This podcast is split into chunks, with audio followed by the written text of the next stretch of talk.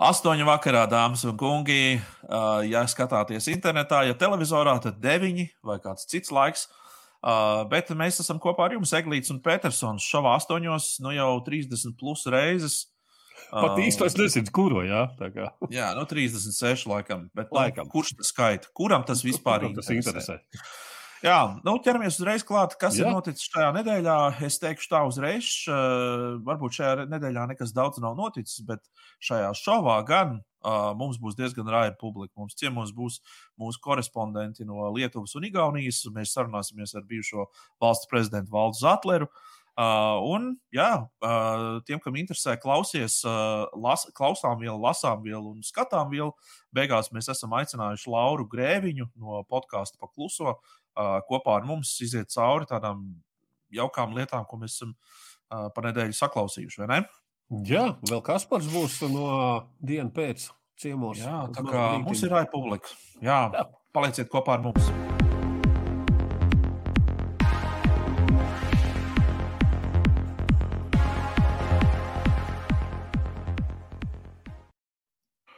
Nu, ko, uh, kas ir nedēļā ir noticis? Mans, uh, man uzmanība ir pievērsuši, protams, tie ļaudis, kas savu, uh, savas dusmas uh, izgāž tagad uz veikala apsargiem par to, ka mūsu valstī ir, uh, ir, ir ārkārtas stāvoklis.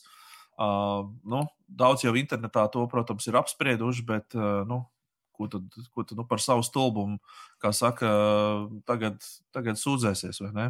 Nu, tas gan, jā, starp citu, es arī redzēju situāciju, kad uh, apsargs vienkārši palūdz iet projām un uh, nekavēt pārējos cilvēkus, kur grib, jo uh, stāvēju pie, pie, lielāka veikala arī ar visu savu pasītu un covid certifikātu, zaļo un tā tālāk.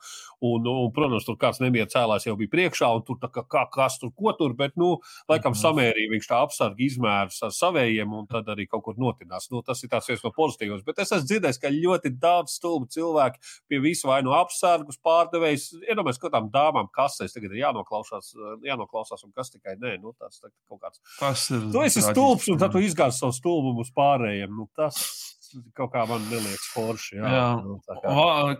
Kaut kad tas vakar aizvakar bija arī mirklis, kad, kad pie saimnes protestēja daži ugunsdzēsēji. Ugunsdzēsēji šefs, un... jā, ugunsdzēsēji šefs gan teica, ka, nu, ka tas nepārstāv, kā saka, tie, tas nav visu ugunsdzēsēju viedoklis vai kā tam mm -hmm. līdzīgi. Ka tomēr viņiem diezgan daudz ir vakcinējušies cilvēki, bet, nu, kā saka, nu. Nē, es domāju, tu vari, teiksim, tu pārstāv kaut kādu tomēr eh, valsts savā ziņā, bet tu savu formu stēru, tu tagad diskreditē, tu ej un tu runā tam visam pretī. Nu, kam nav kaut kāda disciplināra lieta vai kaut kas, nu, kaut kāda, kaut kāda aizrādījuma? Es ceru, ka ir, ja godīgi. Es, es ceru, ka ir, jo man nu. liekas, eh, tā nedrīkst darīt. Nu, tas, tas, tas ir. Jūs saprotat, šito, šito, šito bardaku tur labi, tur viņi pārdesmit varbūt bija, tur daži desmit vai cik daudz, varbūt pat mazāk. Bet kāds atkal no draudzīgās kaimiņu valsts TV vai kaut kur kur kaut kāds uh, YouTuberis vai mhm. vēl pārējais gribēs kaut kā rūpīgi pateikt. Viņš to nofilmē, un tur, protams, puķņīgi veidīgajiem to tikai vajag šitādas ziņas, ka redz, nu, ar visiem šiem brīvvalsts televīzijas un visiem pārējiem. Tā Jā, nu, tas tāds stulbi kaut kā bija, bet nu, labi, ka tā nav tā kopējā ugunsdzēsēji nostāja. Nu, tā kā tā, jā. Nu, kas vēl? Nu, redz, viss varās ciet, visi, visi, visi, visas ballītes beidzās. Ja pagājušajā nedēļā paspēja izrauties uz ballītēm, tad apsveicam, ja nepaspēja tad deviņos, visas ballītes krogi, visi ir ciet. Uh, izņēmums esot kaut kādas teātris vai kas, kas ir ilgi plānots. Un... Jā, jā, jā. Es tagad nezinu, kas ir skaņu meža. Jā, nu, bija plānojis, bet nu, tagad jau es zināt, nevar. Jā, tā ir skaņu mežā. Bet, uh, jā, situācija tiešām mēs bijām trešdien melomaniakos, uzspēlējām melomaniakus un mazākas komandas. Mm, deviņos jābeidz. Viss tā kā, vidus, tā kā pamatskolā ienāk skolotāji, ir gaisma, viss balīti beigusies, viss īstenībā. Nu, nu, te nu mēs esam. No, jā, no norauj, norauj tev, norauj tev, kā saka, Vakar, tā kā tu parasti saki, naktis ir jauna, ja, un tikko tā naktis ir jauna, tā tā naktis jau ir beigusies. Es esmu tik vecs, ka es atceros, kā balīts sākās 9. vakarā, nevis beidzās tālāk. No, nu, re, jā. Prezidents no, nu, arī ir Covid pozitīvs mums, un es saprotu, ka viņš nav vienīgais prezidents Eiropas Savienībā, kuram, kuram šitā ir gadījies. Man liekas, ka Čehijas prezidentam, bet, ah, nē, viņam, nē, nē Čehija, viņam bija kaut kas cits. Bija. Viņam nebija Covid, viņam bija kaut kāda cita Citi kaiti. Citi jā. Kaiti, jā. Uh, bet jā, prezidentiem jā. Latvijā tas tā kā modēs atlēs jau var noraukt Covid. Pirms jā, starp citu, jā, mūsu, mūsu šodienas viesis, jā, tā kā viņš arī pirms, pirms, pirms, pirms kādu laiku, jā, uh, ziņoja, ka viņam arī ir Covid pozitīvs. Uh, es tā saprotu, ka ir izcēlies politisks skandāls. Uh, izrādās, ka prem, mūsu valsts premjerministrs uh, ir dzied, un mhm. mūsu, mm. kā saka, veselības ministrs spēlē klavierus. Un tas ir liels, šausmīgs politisks skandāls. Ārprāts. Oh, kā tā var?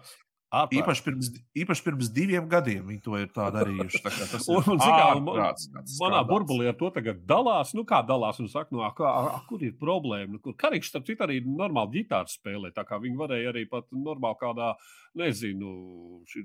jā, jā, ar Raimonu Lagīmovu uzspēlēt kopā. Kur problēma. Bet es tiešām neredzēju, ka, kas ir tas par politisko skandālu. Kurā vietā tur sasodīts ir politisks skandāls, ka kaut kādā ballē, kaut kur savā tādā, nu, tas, tas es nezinu, par ko tagad jāatcerās. Kas, ir, kas tad vairs nav skandāls? Nu, tā tas ir pilnīgi. Nu, vēl, vēl es savā pusē, dzird, es sasmējos, ka es izlasīju, kā nu, dziesmu svētki iespējams 2023. gadā tiks pārcelt, jo redz, atkal pie vainas ir viss Covid-19, jo kolektīvi nespēs kvalitatīvi sagatavoties. A kā zūms vairs nav, nu pats varēja zūmot dziesmu svētku stūdeli, tagad viņi likt uz nebēdu. Nu, Galu beigās jau kaut kas jēdzīgs kā TV projekts sanāca tam visam, ja tā paskatās uh, tagad Jā. atpakaļ. Bet vai tie ir dziesmu svētki, es nezinu, bet nu, katrā gadījumā kaut kas tāds kā dziedošais projekts, nu, tā jau mhm. bija tīri interesanti. Bet kur te ir problēma? Kas te atkal? Antivakseri atkal nav vakcinējušies, atkal nevarēs uz mēģinājumiem, tik viņas nelaidīs iekšā apsargs. Nu, un tā tad antivakseri uztaisīs, mēs uztaisīsim savus dziesmu svētkus ar Kur mēs dziedāsim, pandēmija, nav pandēmija. Jā, nav. Es gribēju teikt, divi, divi hīti jau viņiem repertuārā ir. Uz salu pērkons Daugau vietā, ko dziedāt. Tā kā, kur tā problēmas? Jā, jā. Labi, ieskatāmies, uh, ieskatāmies dienu pēc, ko mēs esam uh, sarūpējuši jums nākamajā nedēļā. Tur patiešām ir interesanti jaunumi un interesants sarunas. Uh, par pirmdienas sarunu mums tūlīt būs uh, saruna ar uh, Kasparu Vendelu, kurš ir diena pēc uh, veselību autors, uh, mm. tas pēc maza mirkļa. Uh, bet trešdien mums būs diena pēc līderība. Uh, ja jau reiz mēs par vakcinēšanos runājam, tad uh, Agnese Strasda iztaujās uh, Stēlu Lapiņu. Un Stela Lapiņa ir um, Veselības centra apvienības un centrālās laboratorijas valdes priekšsēdētāja. Uh, ļoti aktīva tāda uh, uh, aktīva kundze, kura, uh, starp citu, ir ieguvusi valdības tādos kuluāros uh, iesauku uh, par. Uh, Nu, tā nav iesauktā tāda, nu, tāds, tāds apzīmējums. Nē, nu, tā ir iesauktā. Nu, nu, nu, nu. Vakcinācijas čempioni. Ah. Viņu, viņu sauc par vakcinācijas čempionu. Visi, un, tādā veidā viņi arī atpazīst. Mēs vaigā ieraudzīsim Latvijas vakcinācijas čempionu. Viņi visvairāk vakcīnas ir saņēmuši. jā, es tieši arī iedomājos. Man jau ir 82, cik tev? jā, nu, lūk, jā. Un tad vēl ko mēs gribam noteikti pareklamēt, ir diena pēc Patreons. Um, mēs visu laiku runājam par YouTube, par Facebook un ko tur vēl nē, bet uh, mēs esam arī tagad Patreon uh, platformā. Kā saka, kā pēdējie no visiem podkāstiem, jo bija vaļā jau tur ir, uh, vispārējie tur ir. Nu, tad mēs tā Nā, nu, tā paskatījāmies. Es domāju, varbūt, varbūt cilvēkiem vēl ir nauda. Nu, kā te Eriks mēnesī. varbūt, var. Bet tas foršākais ir tas, ka tur tās pilnās sarunas versijas ir Patreonā redzams. Tas nav tas pats, kas, kas, kas ir parasti, nu, kas, kas ir tajās mūsu ikdienas ēteros. Jā, tā, jā. Tur ir pilnās garās sērijas, ja interesē. Un bieži vien tās ir interesantas. Cik tur jau ir? Četras šobrīd virsū. Jā, uh, tur ir šobrīd četras, jā. Mm -hmm. uh, un, nu, jā, un, un, tā, kā, tā kā es aicinu visus uh, Patreon uh, Patreon fans un tie, kas zina, kas ir Patreons, uh, patreon.com. Slīpsvīta diena pēc, tur jūs mūs arī atradīsiet. Nu, visi zina, kas ir Patreon. Protams, pie, priecāsimies. Es gaidu to mirkli, kad tu teiksi, ka mēs esam arī OnlyFans. Labi, aicinām Kasparu.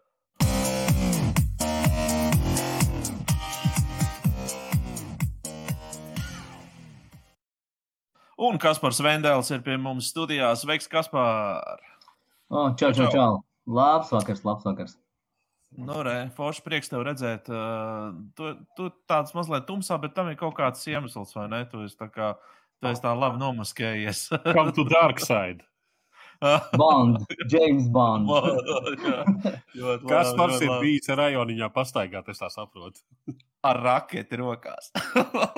Bet, Kas uh, atgadījies? Nu, man, man jau kā cilvēkam, zini, kur, kuram patīk uh, izlobīt kaut kādas atziņas un mācības, un jo pēc tam es eju un publiski stāstu runāju, stāstus jākrāj ir, ja, un, un, uh, un man tad attiecīgi uz šitā ir arī stāsts. Tā kā savā ziņā man pat palīdz uh, zilu, zila acis, lai stāstītu stāstīņus. Nu, šī jau ir stāsta ilustrācija, tā kā tas ir kaut kas cits, kā ilustrētais stāsts jau Tas ir ilustrēts stāsts. Jā. Bet, bet stāsts ir pavisam vienkārši. uh, Kā, kāda, kā izpaužās, kā izskatās pēc tam fiziski uh, uzmanības novēršana.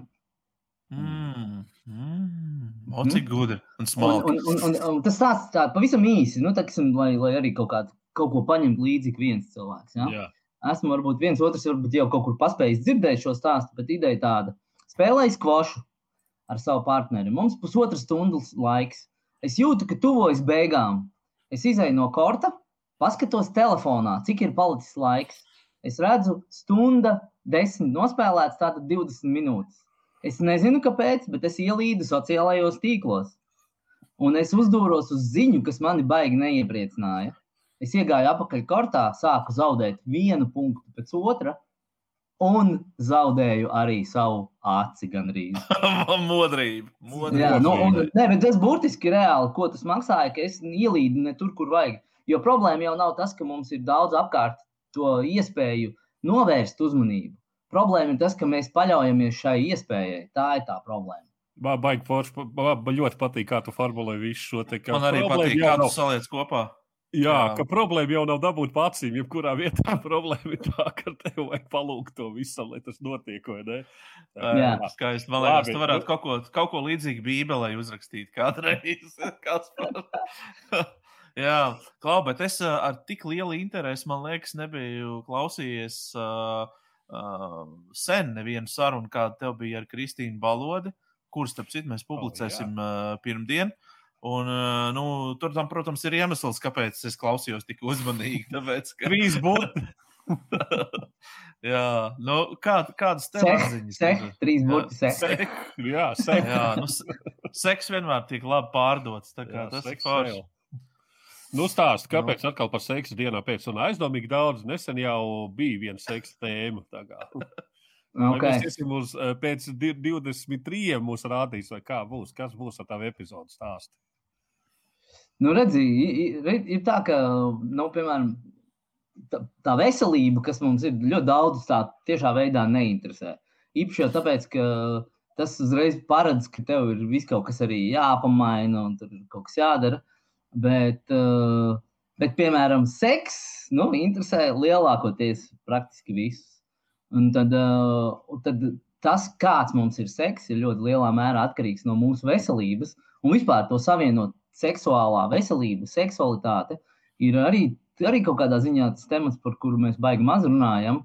Un, un var gadīties bieži vien, kad arī tā veselības problēma, kuru mēs uztveram kā šauri, specifiski veselības problēmu, nu, to, to, to fizisko, bioloģisko, ja, dažkārt mēs varam uh, atš- atšķetināt atpakaļ un redzēt, ka kaut kur viss tā problēma radās arī mūsu nespējā uztvert seksualitāti tādu, kādai tai būtu jābūt, kādu daba ir paredzējusi. Ja? To brīvību, atvērtību, to nu jā, tādu, tādu nepies, nepiespiestību, kaut kādā ziņā ļaušanos. Un vispār šis, šis jautājums ir tas, kas varētu bieži vien atrisināt varbūt ka lielākas sociālas problēmas. Nu tā. Vai varētu teikt, ka Kaspar, šajā sarunā jūs ar Kristīnu uh, runājāt par tieši šīm važām, kas uh, mūsu, teiksim, mūsu seksualitātes uh, nu, ir savažojušas, vai kā, kā, tu, kā tu to tā formulētu? Uh, jā, varbūt kaut kādā ziņā var teikt, ka tās ir važas, uh, bet tāpat laikā varbūt tas drīzāk ir tas, ka, ka um, nu kā, nu tās, te, tā seksualitāte ir vispār visas dzīvības virzītājs spēks. Ja? Nu, mēs varam skatīties, kā gribam, bet nu, tā vairošanās cilvēkam ir, ir tas, kas nu, nodrošina to, ka vispār cilvēki turpina eksistēt. Un līdz ar to tā ir tāda ļoti dziļ, dziļš instinkts mūsos ielikts. Uh, bet tā, tas, tas kaut kādā ziņā tas paradoks ir. No vienas puses, mums tā ir absolūti esenciāla, tāda ļoti būtiska sastāvdaļa, no kā vispār sastāv cilvēks vai vispār daba kā tāda, vairoties, tā tad arī seks un, un dzimumaks un viss šis. Un tāpat laikā mēs tā kā sakām, bet nē, tā kā gandrīz kā padomju laikos, seksa nav. Ja? Un uh, tagad tādā rietumu liberālākā sabiedrībā varbūt nav gluži tā, ka seksa nav, bet uh, joprojām pastāv tas kā, kā tāds karsts kartupēlis. Ja? Un, un te ir tas paradoks, ka no vienas puses vajag, no otras puses kā, varbūt nē, varbūt ne tagad, varbūt tagad nav ērti, varbūt kaut kur, kaut kur mas, varbūt mūkam prom mazliet no šī visa. Ja? Un, beigās sanāk tāds uh, kroplīgs modelis tam visam. Un, un tā ir tā milzīgā problēma, par kuru mēs ar Kristīnu arī parunājām. No tas, ko es dzirdēju, kā nedabūjuši cilvēki, ir briesmīgi cilvēki no tevis teiktā. Es saprotu, ka tur arī viss problēmas mums rodās, vai ne? Kā, kā. Uh, mm. nu, nu, man pašai, piemēram, aizķer tā, tā, tā pat tā ideja, kas arī nav nekas jauns, tā ir jau sen, sen zināma Eh, gan austrumu filozofijās, un reliģijās, un tam līdzīgi, gan arī rietumos par to daudz runā. Par to, ka seksuālā enerģija ir radošā enerģija. Un, eh, un, un, un šis radošums, tā spēja izpausties, bieži vien ir arī tas, kas mums ir tik ļoti trūkstošs eh, nu, tādā kapitalistiskā sabiedrībā, kurā viss ir caur tādu piespiešanos, caur tādu mocību, caur mm, tādu mm, mm. stresu. Ja? Un, Un, un tur arī neiet kopā. Un tad beigās sākās tāds vēla dancis, ka ne mums ir radošums, uh, kas mums ļauj justies brīvi. Nav brīvība, tāpēc mēs nevaram runāt par seksu un tā aiziet uz leju. Nu, kā tā nav? Kā tā nav? Tu runā par ko tu gribi, skaties, ko tu gribi. Viss ir pieejams, viss ir pieļaus. Tas viss ir cilvēkam galvā. Nu, vienkārši mēs nemākam par to runāt. Nu. Jā, jo es starp citu, ko es esmu novērojis, nezinu, varbūt jums ir līdzīgi novērojumi, kungi. Bet uh, ir sabiedrībā daļa, kas ļoti atklāti runā un var runāt par to. Un tad tie, protams, parasti ir. Uh, nu, nu, viņi var būt gan tradicionāli, gan netradicionāli, piemēram, seksuāli orientēti. Uh, bet viņiem ir šī tas, tas, tā, tas, tā, nu, tas, tas kas viņus pavada, jā, visa tā. tā, tā tā glamūra, viss tas viss, nu, kas ir kad, kad tu esi nu, kā, kā, kā pāvs, kā tāds, nu, ka tev ir visas tās spalvas, spožās un viss pārējais. Ja? Uh, un viņus mēs redzam, un tad viņi, ah, nu jā, tie ir atkal tie, piemēram, vai nu tur praidā, vai nu tur vēl kaut kādā, nu, bet viņi ir tie seksuāli aktīvie. Ja? Un tad ir, tad, ir, tad ir tā pārējā pelēkā tauta, ja? kur skatās Netflix seriāls uh, vai, vai porno filmas kaut kur zem uh, ja, tumšās, tumšās istabās un tā, tā, tā aiz aizvērtiem logiem.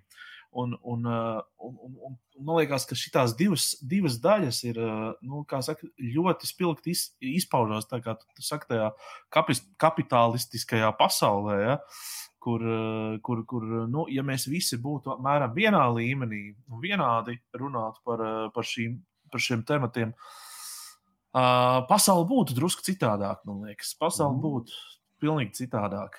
Jo Kristīna arī teica, viņa teica, tas ir uh, lielākā, lielākā nelaime. Tā kā saruna beidzās, atcerieties, ka, kas par ko viņa teica.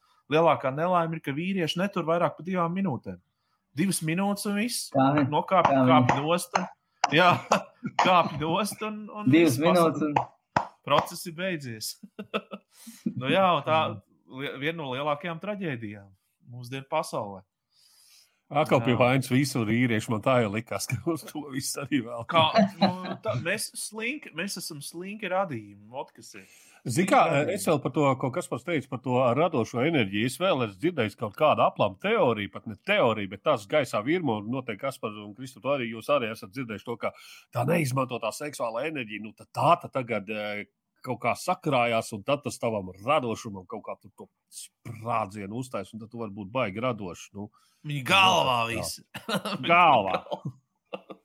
nu, bet nav nu, bet, nu, teiksim, tas šai ziņā, nu, ko, ko arī Kristīna minēja, un droši vien, ka kaut kādā ziņā droši vien tam var piekrist arī, ka, nu, atkal par vīriešiem, ja runā, nu, beigu beigās mēs te vīrieši, ko tu mēs vēl varam par Par vīriešiem arī runājam. Par vīriešiem arī runājam. Jā, it sevišķi, ja ņemot vērā, ka sievietes jau daudz maz vēl spēj šīs lietas runāt, vismaz savā starpā. Zin kā, veči atnāk, nu tad kāds tad tur bija Dienāmo, kā nospēlēja. Ja? jā, jā, bet, uh, visi normāli. Bet par to, ka šī, te, nu, šī te enerģija, kur ir uh, vajag uzkrājusies, ka beigās cilvēkam, tam vīrietim, uh, seks ir, un tāpēc arī tās divas minūtes, ka tas ir vairāk kā tāds stresa novadējs uh, aktivitāte. Nevis, ka tu tam nododies kā procesam, no kā vispār sastāv dzīve, no kā sastāv attiecības, no kā sastāv kaut kādas romantiskas, eh, nu, vispār tas, tā virzība. Bet tas ir vienkārši nu, tā, tagad, lai atslābinātos, jo sporta tāpat nav, vai viņi ir ļoti mazi. Ja, tur, un tad tu vienkārši kaut kā izbliez un viss. Jā. Divas minūtes, un oh, viss kārtībā. Jā, jā. Nu, super. Viss var atkal. Rinds and repeat. Jā. jā. Nē, nu, ļoti interesanti tiešām, bet nu, tad vienmēr tas, tas fināla jautājums ir, ko darīt? Ko darīt?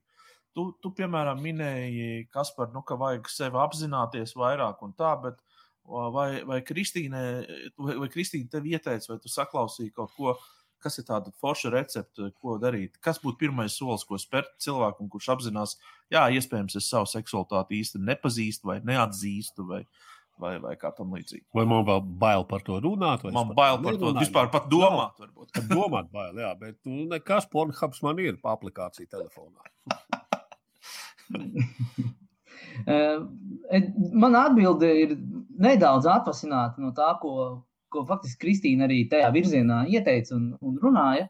Atvasināta ir tāda, ka es, es vienkārši arī redzu, kā, nu, piemēram, jaunieši gan gan mano vecuma bērni, tur ir teiksim, 7, 12, 14 gadi. Ja? Nu, bet teiksim, tajā vecumā, ka vispār ir uh, diezgan liels problēmas runāt par sajūtām, emocijām kā tādām vispār. Ja? Un, un tad jau mēs nonākam arī līdz tam vēlāk, jau sarunai par seksualitāti, par kaut kādām, nu jau, teiksim, varbūt intīmākām, erotiskākām domām. Bet, ja mēs jau tur nevaram sākt runāt par nu, tādām it kā vienkāršām sajūtām, par skumjām, piemēram, ja, vai kaut ko tādu, tad ir vajag grūti sagaidīt, ka kaut kādā maģiskā kārtā cilvēks varēs sākt runāt par erotiku ja, ar, ar savu partneri.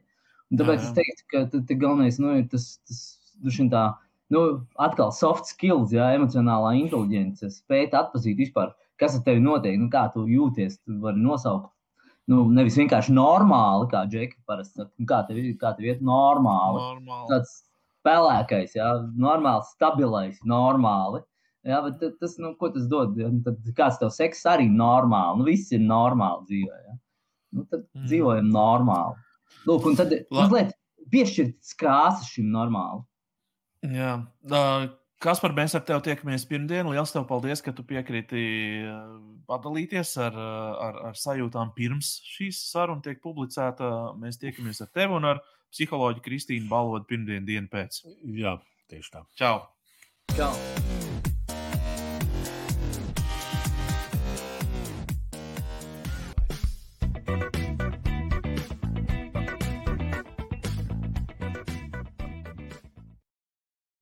Twitterī, nu, Twitterī.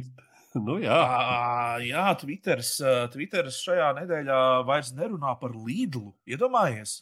Mm, tas jau ir viss, viss savu banāli ir apēsti, vai ir sapabuši, zinu, visu to, to, to, to tonu, ko iepirkt par 19 centiem, visu pagrabs pils, visu miers. Banāni vairs nav aktuāli. Tagad, banānu tagad... zaptes ir savārītas. jā, uh, banānu smūtī, jā. Nu ko, laižam Twitter vaļā, aiziet. Tu zināji, ka ir tādi cilvēki, kas bēg no Covid fašismu uz Baltkrieviju. Šī tāds te uh, skrīns uh, manā Twitter burbulī nedēļas sākumā peldēja apkārt. Es domāju, nu, Nu, nevar būt, ka tie ir reāli cilvēki. Nu, tie nav īsti cilvēki. Nu, tā nevar būt. Nu, kāds ir aizdomājies, ka no Latvijas uh, beigas uz Baltkrieviju, oh, tur viņu ģēķa gaida ar atplestām rokām. Viņš šitos, oh, kā tur viņus gaida par nepakļaušanos režīmam, tur kā reiz uh, glaud galviņus un, nezinu, dot balvu. Oh, oh, jā. Oh, jā. Nu, jā, tā kā tāds. Es pat nekomentēju, tur bija vienkārši cilvēki brīnījās. Tā, ko? Nu, tas, nevar būt. Vēl viena lieta, par ko. Es vēl tagad smējos pilnā balsī. Šķidrums! Man sakot, arī kāds kaut kur pavisam nopietni uh, saka, ka Vienīgais, kas šobrīd palīdzēs iziet ielās un sākt taisīt bezspriņķi, bla, bla, bla, bet man patīk tā gramatika, vizi un tā tālāk. Un kas ir visforšākā tajā visā šajā mūrgā, tā kā var piespiest šķircēt kaut kādu šķidrumu. Mēs esam cilvēki ar domājošu galvu, neesam tā kāķi vai suņi. Nu, tā kā labi, ja nekad neesam kāķi un suņi. jo vairāk es skatījos, jo tur atkal tas gadījums, kad lielisks ir pilnīgi viss, un, un cilvēki nespēja noticēt, ka tas var būt, ka tas, ka tas un ir tie, reāli. Kas, un tie, kas ska, saka, ka nevajag smieties par, uh, par, par šiem cilvēkiem, es saku, vajag gan, vajag un skaļi. Tas ir la, labākais humors šovs, kāds kāds, kāds mums ir pieejams. Cilvēki ar, ar, ar ļoti struntīgu un sūdīgu izglītību, kuri ir tagad atklājuši, ka viņi var sociālajos tīklos kaut ko komunicēt. Tas ir, tas, tas, tas ir pelnījis. Jā, visi kāķi un suņi. Labi, laižam tālāk. Kaut kas cits, unām, uh, saka, skaistākas sabiedrības vārdā apsver iespēju dalīt plastisko ķirurgu vizītkartes cilvēkiem, kas ar savu garošu nobelu nespēja iestūķēt zem maskas. Šodien vienai skaistulē piedāvāja labu speciālistu kontaktus, bet laikam nebija kur pierakstīt, apvainojās. Nu. Tā kā jā, es arī redzu šitos, kas tais maskās šitā iet. Tad man arī gribas. krāniņš ārā. Krāniņš ārā, jā. Uh, lai šo tālāk, Liela Dalmāne. Cibiņš ir dzīves. Paldies, E-klasē. Ko nākamo vajadzētu atdzīvināt? Nu, tā tad E-klase ir atdzīvinājuši Cibiņu. Jā, Cibiņš ir pirmais latviešu literatūras virtuālais asistents. Nu, tā kā Cīmīgs, kuru nosaukt, kurš nosaukt, jēdziņ, tas tik skumjš stāsts par to nabagu. Es domāju, ka atdzīvināt mums ir vēl afīgi. Kas viņam tur rokā sniega pika? Sniega pika, nu kā, uh, kā jau pie knīpskas, vai ne? Jā, es zinu, jā, nu, Nu, tas jā, ir nu, tāds. taču, protams, sliktais buļbuļs un tā tālāk. Un viņš ne protams. cibiņu, un viņš nosauca. Nu, tas ir bezgalīgi skumjš stāsts. Bet ko vēl mēs varētu e-klasē atdzīvināt? Klausies, man nāk prātā baigīgi no pūt vējiņiem, vai ne? Kad jau tad jau. Man nāk prātā Tas visi zērājs, čaļi. baibiņi jau tāda, baibiņi jau bija labais tāds tēls. Tur to Nu, kur dzērāju. tur viņi noslīga? Kas noslīga? Nu, jā, jā. Ā, Nu, jā, nu, to vajag atdzīvināt. Tālāk, tur, kas tur vēl mērnieku laikos, Kaspar nošāva, jā, to vajag atdzīvināt. Kas vēl visi tie džeki nāves ēnā, jā, tos Jā, tos visus pa, pa kārtai, vai kā, kā influenceris. Influencer. tāda e-klase varētu būt tāds reāls Night of Living Dead, tāds Walking Dead, jaunā versija latviešu literatūrā. Viņš staigājušo miroņu klāsts. Laižam Jā. tālāk. Inga Gorbanova, uz zāli izrādās jānāk dienas vidū. Absolūti epidrošība. Esmu vienīgā, klubiem būs vēl viena grūta sezona, un viņi ir uztaisījuši mazu bildī, tādu miglainu, tur, ka viņi tiešām ir vienīgā. Un uz ko piebalso Nika, pirms gada daudziem bija hashtags gribu sportot, gadu vēlāk visas zāles ir tukšas. Es vēl tagad šur tur redzu, ka kaut kur cilvēki ir to gribu sportot, tiek lietots. Nu, bet ej, sporto, kur ir problēma? Nu, tā. Laižam tālāk, Mārtiņš Spuris. Esmu pret cilvēku šķirošanu, tādēļ nelietošu alkoholu, kamēr visiem nebūs 18. Ļoti loģiski, kāpēc. Ne? Jā, un ar mašīnu nebraukšu, kamēr visiem nebūs braukšanas tiesības, piebalso Mārija Sītska. Un Nim- Nimiro vēl pasaka, man nebūs tiesības.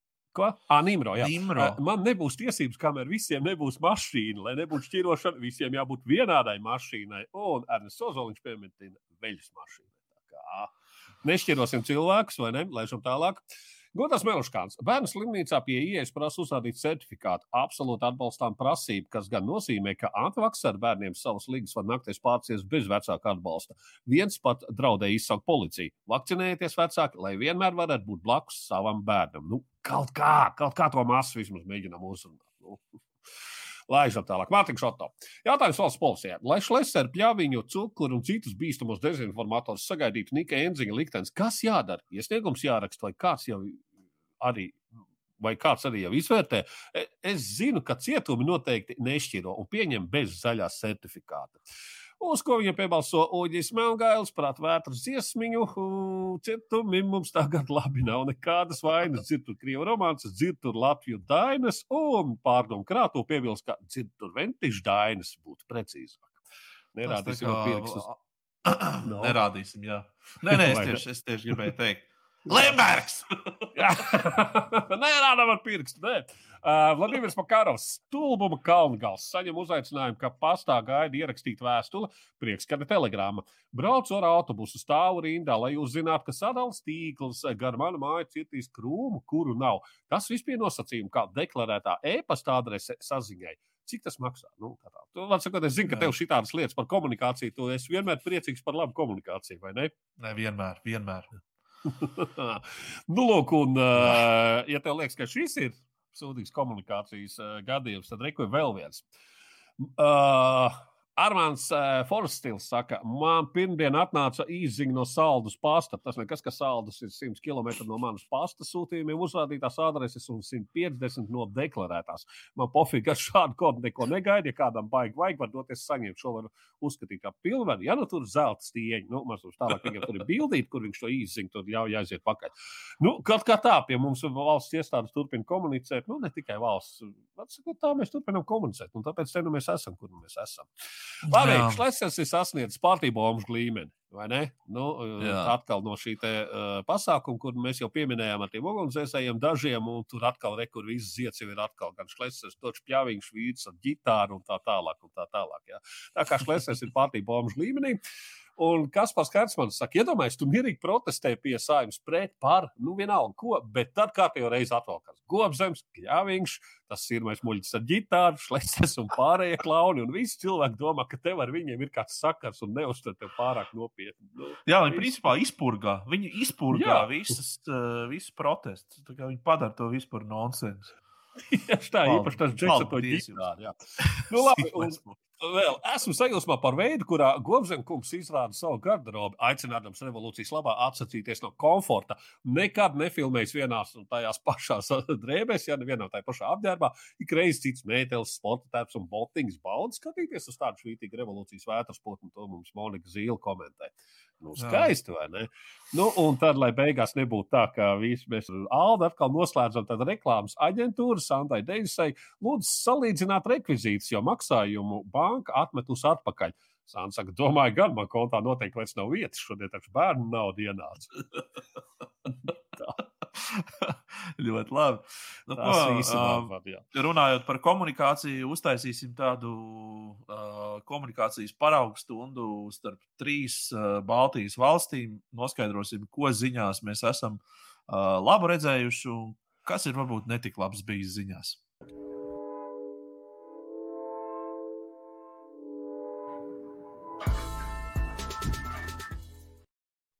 Hey guys! Hi, guys. Hello. Hey, guys. Nice to hear hear you all and uh, see you all. Um, we uh, kind of did some session uh, separately with Erica a month ago in Loftus Festival and uh, and separate session with Sven. And now we need uh, a common Baltic uh, gathering. I would say. well, we can't be in the same room, but here we are. Yeah, yeah we are. so it's nice to nice to see you and hear you all. Uh, what's good, what's bad is happening in your own country. So uh, I don't know, Sven. Uh, can you start maybe?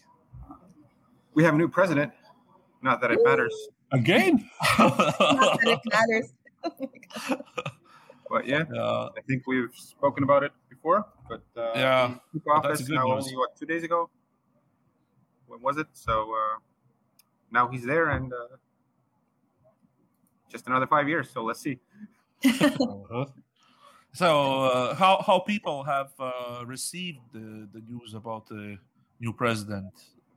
No, again, he was like this last minute candidate in many ways. So the again, just as in last time, the uh, the you know the politicians didn't really come to an agreement. Uh, couldn't reach an agreement. So uh, it was the last minute choice, basically. Not that he's not smart or anything, but you know, he's a suitable okay. candidate. He came last minute. All right, um, and and what what's the bad news? What's the bad news? Uh, there is none. He has no power in that sense. So the president doesn't have any power in Estonia anyway. so uh, you know, nobody cares uh, about him. Yep. Not really. Okay. Uh, Sven, are on, by the way, too. Uh, today. Sven, uh, you have uh, you have local elections, right? Yep. Uh, okay, but these these are upcoming, or they already? These are. I think you could vote from the beginning of the week, uh, but the actual okay. like the election day is tomorrow. Mm. I mean, you, you could go and oh. vote uh, the entire week here, but uh, yeah, it's like pre-election time or something. Yeah, and as I understood from you that uh, for the first time in many years, Stalin will uh, have the new new Coalition uh, uh, government. yeah. coalition. Mm. Most likely, at least. That's what all the uh, what all the polls are saying. Okay. Uh, aren't you all in lockdown or something like that? Uh, No. Can you move freely?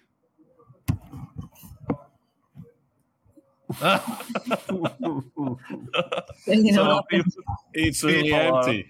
Nope, it's empty, but still, people are there. everything Uh. I, I want I want to show you something. Uh, I want I want to show you a video clip, and uh, after that, I want your comment about that. opa, ette sõidab Keiti Meier. põrr, põrr, põrr,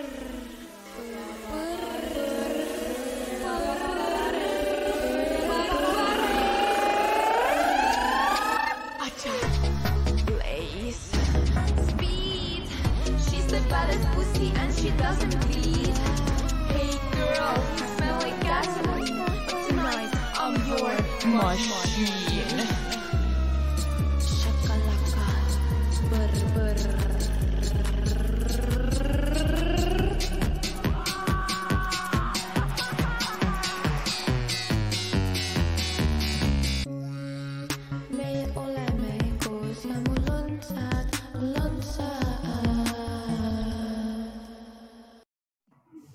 I have called that Wow. woman power. So uh, Wow. I, I, I'm watching uh, at Eric's face in the background, couldn't and, do and I I saw, like my- and Eric was like, "Yeah, I know what I'm going to do next." okay, Sven, what's your comment here? No, I don't know. I mean, uh, I'm not trying to downplay this in any any way, but it was uh, what was it, five meters, and she had wires on her, so it must have been a publicity stunt for Coolbet. So I mean, it's Well, obviously, Oh, it was obviously. special. So I mean, it's uh, but I still couldn't do it. no, no. Uh, well, uh, I, as I understand, this is not her first stunt. He, uh, she, do, she has done something in Tartu as well with bridge or something, or Pärnu. Where was it? yeah, it, it was something, but I, I, to be honest, I don't remember. Uh, Okay. She has done something similar before. Okay, I know. she's she's crazy. Yeah, I don't really know her to be honest. Oh, okay. Hmm. she's a celebrity or anything. So, so you have a task for the next time. You need to find out uh, Oh, who, is, yeah. who is she. and for, for her yeah. CV, look at the uh, the comments below, right? yeah, yeah. All right, Erika, what's good and what's bad in Lithuania? What's good? What's bad? Uh, well, obviously, you know. Well, okay. Let's start with what's good. So, what's good is that um, uh, Lithuanian Parliament has voted in favor of decriminalizing the possession of small quantities of drugs. So, yay! Welcome to Lithuania. but what, what Yeah. Are you of allowed to say this you- on this show, or Why not? I mean the yay and all that? What? I'm I'm for the legalization of drugs. I say that all the time, so that's fine. But, But what um, kind of drugs? What kind of drugs? What kind of- they, you know, class. Well, the problem is even the classes the, the way that they class drugs has been an issue because you know they it's all basically A class, so it's a whole other thing. Um, so we're talking about the psychedelics and the you know marijuana and stuff like that for now. But it's a, it's a step in the right direction because basically when you're in my opinion when you criminalize people with drugs they're not criminals so you shouldn't treat them like criminals. And so basically if this law goes now they voted and they will have to vote again. And then basically what it means is if people get um, caught or if they're found with some small quantities they'll be fined. Instead right now it would mean a criminal case. And uh, basically now it means that they would be fined between 50 and 350 euros which i think is you know. What's the uh, threshold? I don't know I don't know. small quantities i don't know what that means but i you know in the past it's it's been you know i'll give you an example there was an 18 year old kid who mutual friend of a friend was it was studying in holland came home made a very stupid mistake of having something sent by post was caught but something like tiny amount. And this kid was, you know, doing great in school. He was a good kid. Uh, and he was, you know, looking at two years in jail. I mean, this is So it's so it's always a friend of a friend. But uh, when did you study in Holland?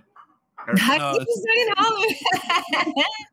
I've been to Holland many times, but I haven't. Studied. All right. It's always But, a friend uh, of a friend. Well, Uh, how about- how about I don't have an uh, 18 year old kid yet. How, how- uh, Sven, how about the decriminalization of uh, drugs in Estonia? Do you have some discussions there? I don't think it is criminalized. I mean, if you get caught with uh, something that is what they call for your own use or something, then I don't think you get a criminal. It's that's a criminal offense. I think it's uh, it's a misdemeanor or something. So you, or I might be wrong to be honest. But, Hmm. Mm-hmm, but uh, Well, I- I we we are still, amo- you know, small quantities are criminalized. We we will still have this discussion in the parliament because uh, But it will go that are- way anyway, everywhere. Yeah. I mean, it's, I hope uh, so. What's the point? You know, Yeah, because uh, it, it I, I think that our our government is at this moment very busy with uh, many other things, uh, uh, cleaning cleaning up the COVID mess and something like that, and and they don't have really time for that. But uh, as I understand, the discussion is uh, s- it, it's ongoing. Uh, there are no decisions made. Of course, there are some lobby groups that are working on this, uh, but I'm not sure how far they are. So Yeah. I, I would say Lithuania is the good news. One point for you. Yeah. okay, what's, yeah. what's the what's the bad news, Erica? What's the bad news? Well, I don't know if if we're talking about obviously we're talking about COVID or non-COVID related. Ah, you can yeah, we can mix it. Uh, so in We that can- case, there's nothing.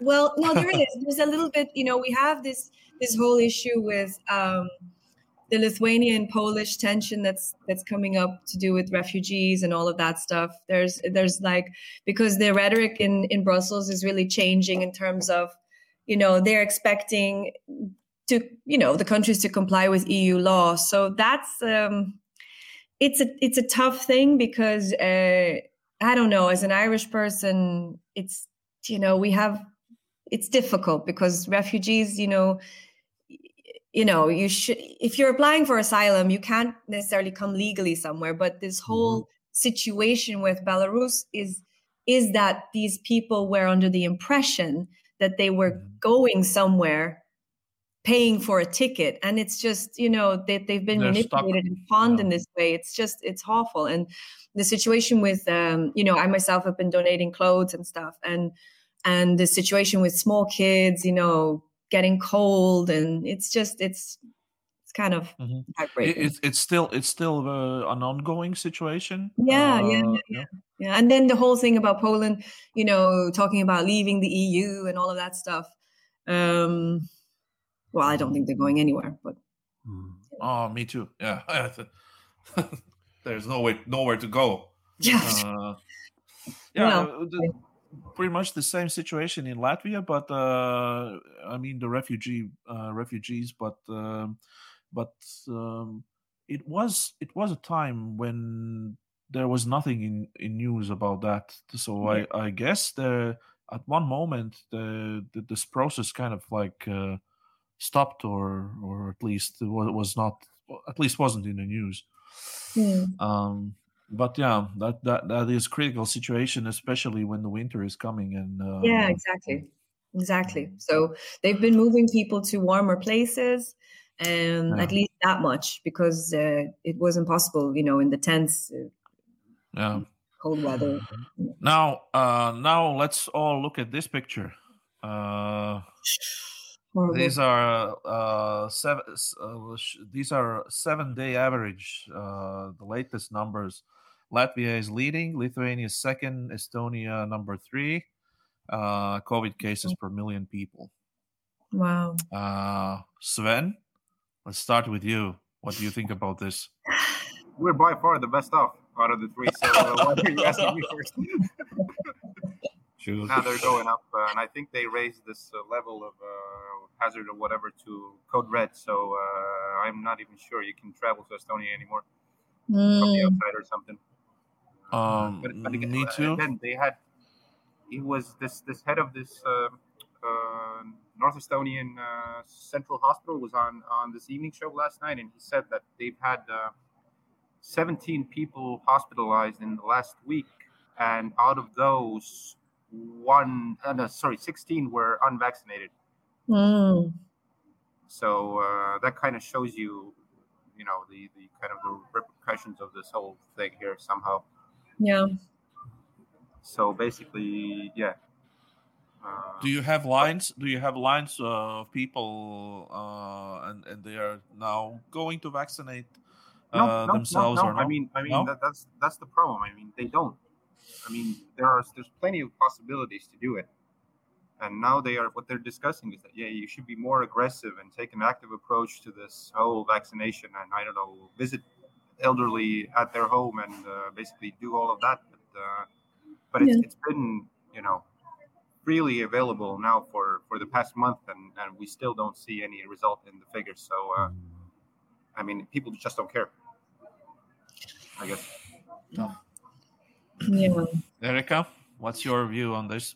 My well, yeah, it's pretty alarming. Um, my parents actually went for their booster shots today, so they got the third, the booster, and um, they're now rolling in, rolling out um, an incentive that basically, if you're 75 or older and you get vaccinated or you get a booster shot, they're going to pay you, which I think is supposed to be some sort of motivation, like 100 euros, because they, you know, same problem. People aren't, they're just, they're not getting vaccinated, not fast enough. And um, my sister and her husband were vaccinated and they got COVID two weeks ago, but it was obviously a much lighter version, thank God, because they, they had the vaccination. So I don't know. I mean, I, I, they keep saying that there's not going to be another lockdown, that they're not going to let it happen. They said that it's working, that the, the, the pass is working for people who've been vaccinated. And uh, the Prime Minister, Shimonita, is taking the stance that,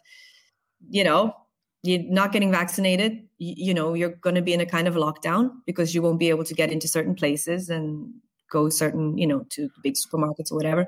And that's your choice because you don't want to get vaccinated. Um, I don't know. I think they're dealing with it the best way they can. I don't think you can forcibly take someone and stick a needle in them. I think that's also not a good idea to start going down that road. So I don't know. what they're discussing here is paying the uh, general practitioners basically. So if they achieve a uh, what was it, like an eighty percent coverage in their, you know, uh, list, they have a Yeah. list of people that kind of you know are under their uh, practice. So if they achieve like, so they would get a bonus or something, or, or they get a, uh, so they kind of leave the marketing to the uh, to the uh, yeah the general practitioners. Yeah. Well, Oh well, um, I see that. Uh, yeah, um, what what what I can say is that uh, starting from this week, uh, we have um, the state of emergency in our country, okay.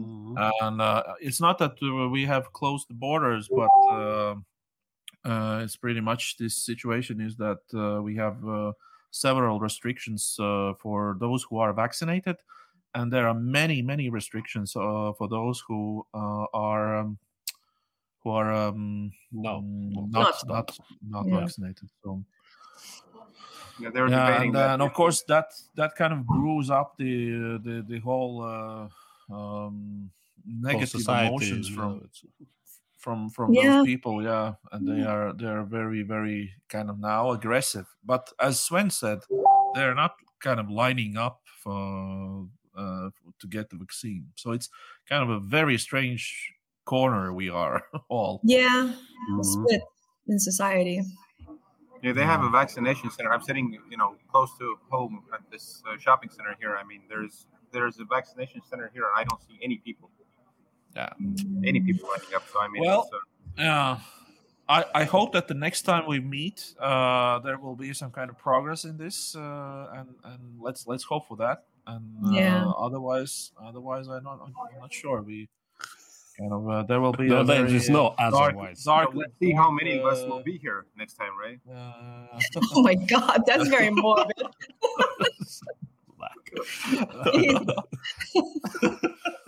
Sven. Oh my god. So why not? Yeah.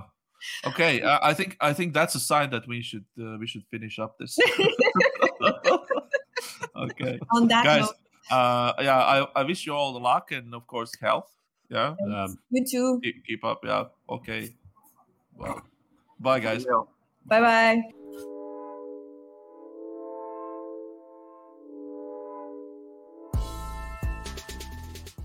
Nu, tad no Baltijas atpakaļ tepat uh, uz Latviju, uz Rīgu. Uh, mums uh, ir ļoti liels prieks, uh, ka dienu pēc sarunai uh, ir piekritis uh, bijušais valsts prezidents Valdis Zatlers. Bet uh, nu, šoreiz būs neliels izņēmums, jo, jo? nu, jo, Jo? mēs, jo mēs neintervēsim uh, Valdis Zatleru, bet to darīs mūsu kolēģis uh, Oskars Priede. Vai ne? Mūsu nelaida klāt, vai ne? Tā kā Oskars un Jā. Valdis Zatlers studijā.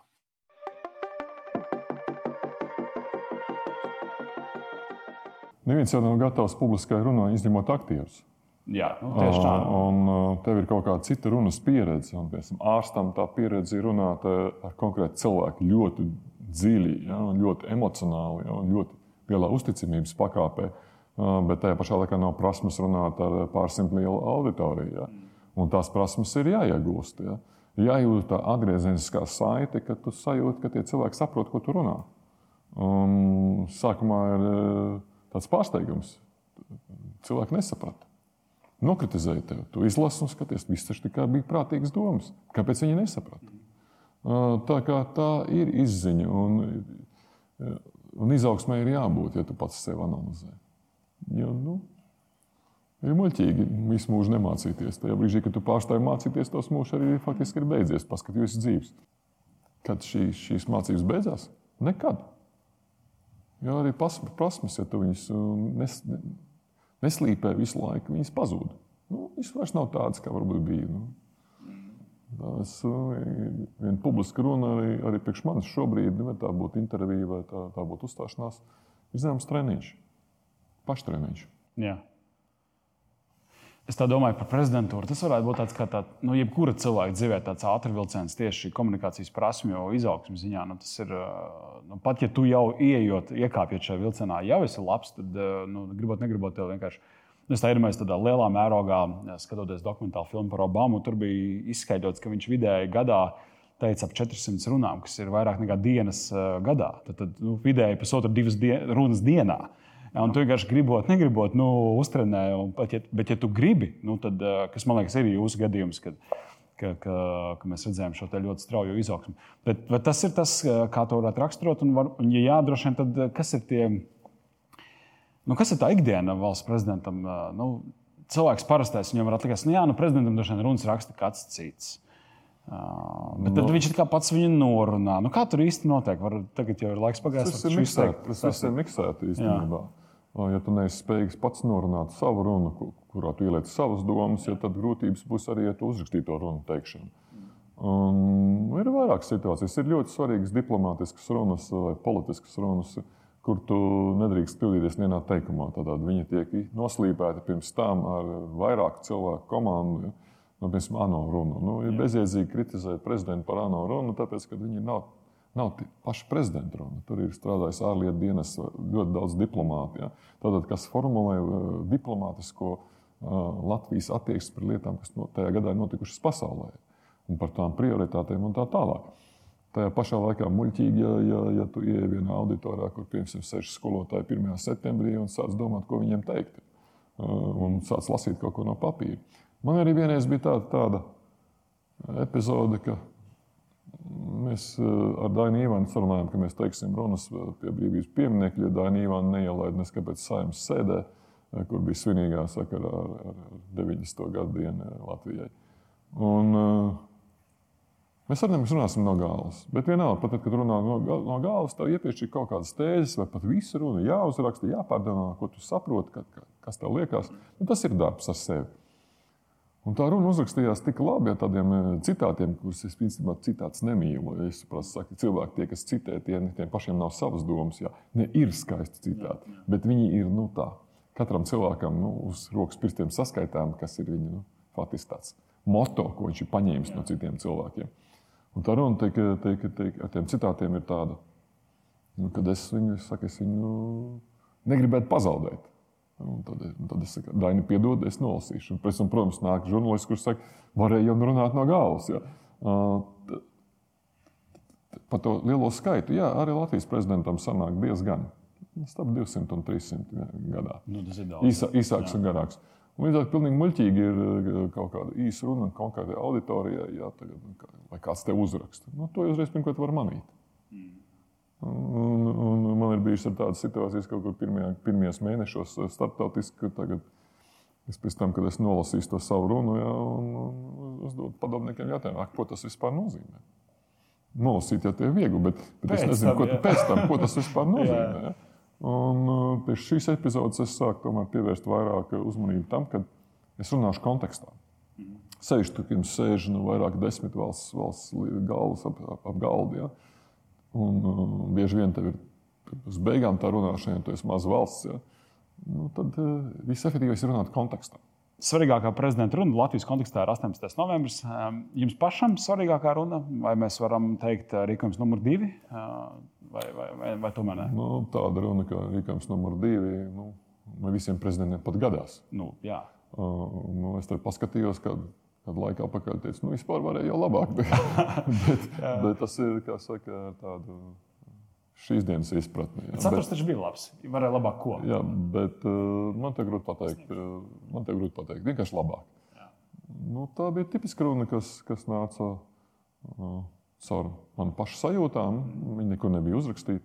Tiešām. Viņiem pēc tam tausīja transkriptu ja, uh, no ieraksta. Un man bija tikai tēzes, kuras es saliku. Ja, un man bija skaidrs, kā es to runu nobeigšu. Bet emocionāli tas, nu, arī saturiski izpaudās par to, ka šai brīdī visticamāk tiek pārvilkta svītra pāri otriem termiņiem prezidentūrā. Tomēr savākties tādā, nu, tad, vai tas bija tas prezidentūras rūdījums, kas ļāva to, to iznest to ar stāju? Tā, tā Nu, bija, tas, nu, bija ārstu, tas bija ārstu rūdījums. Ja? Un, uh, mūsu sabiedrībā ir ļoti tāda muļķīga tāda doma, ka katram prezidentam obligāti jābūt otro termiņu. Un viņi ir absolūti muļķīgi.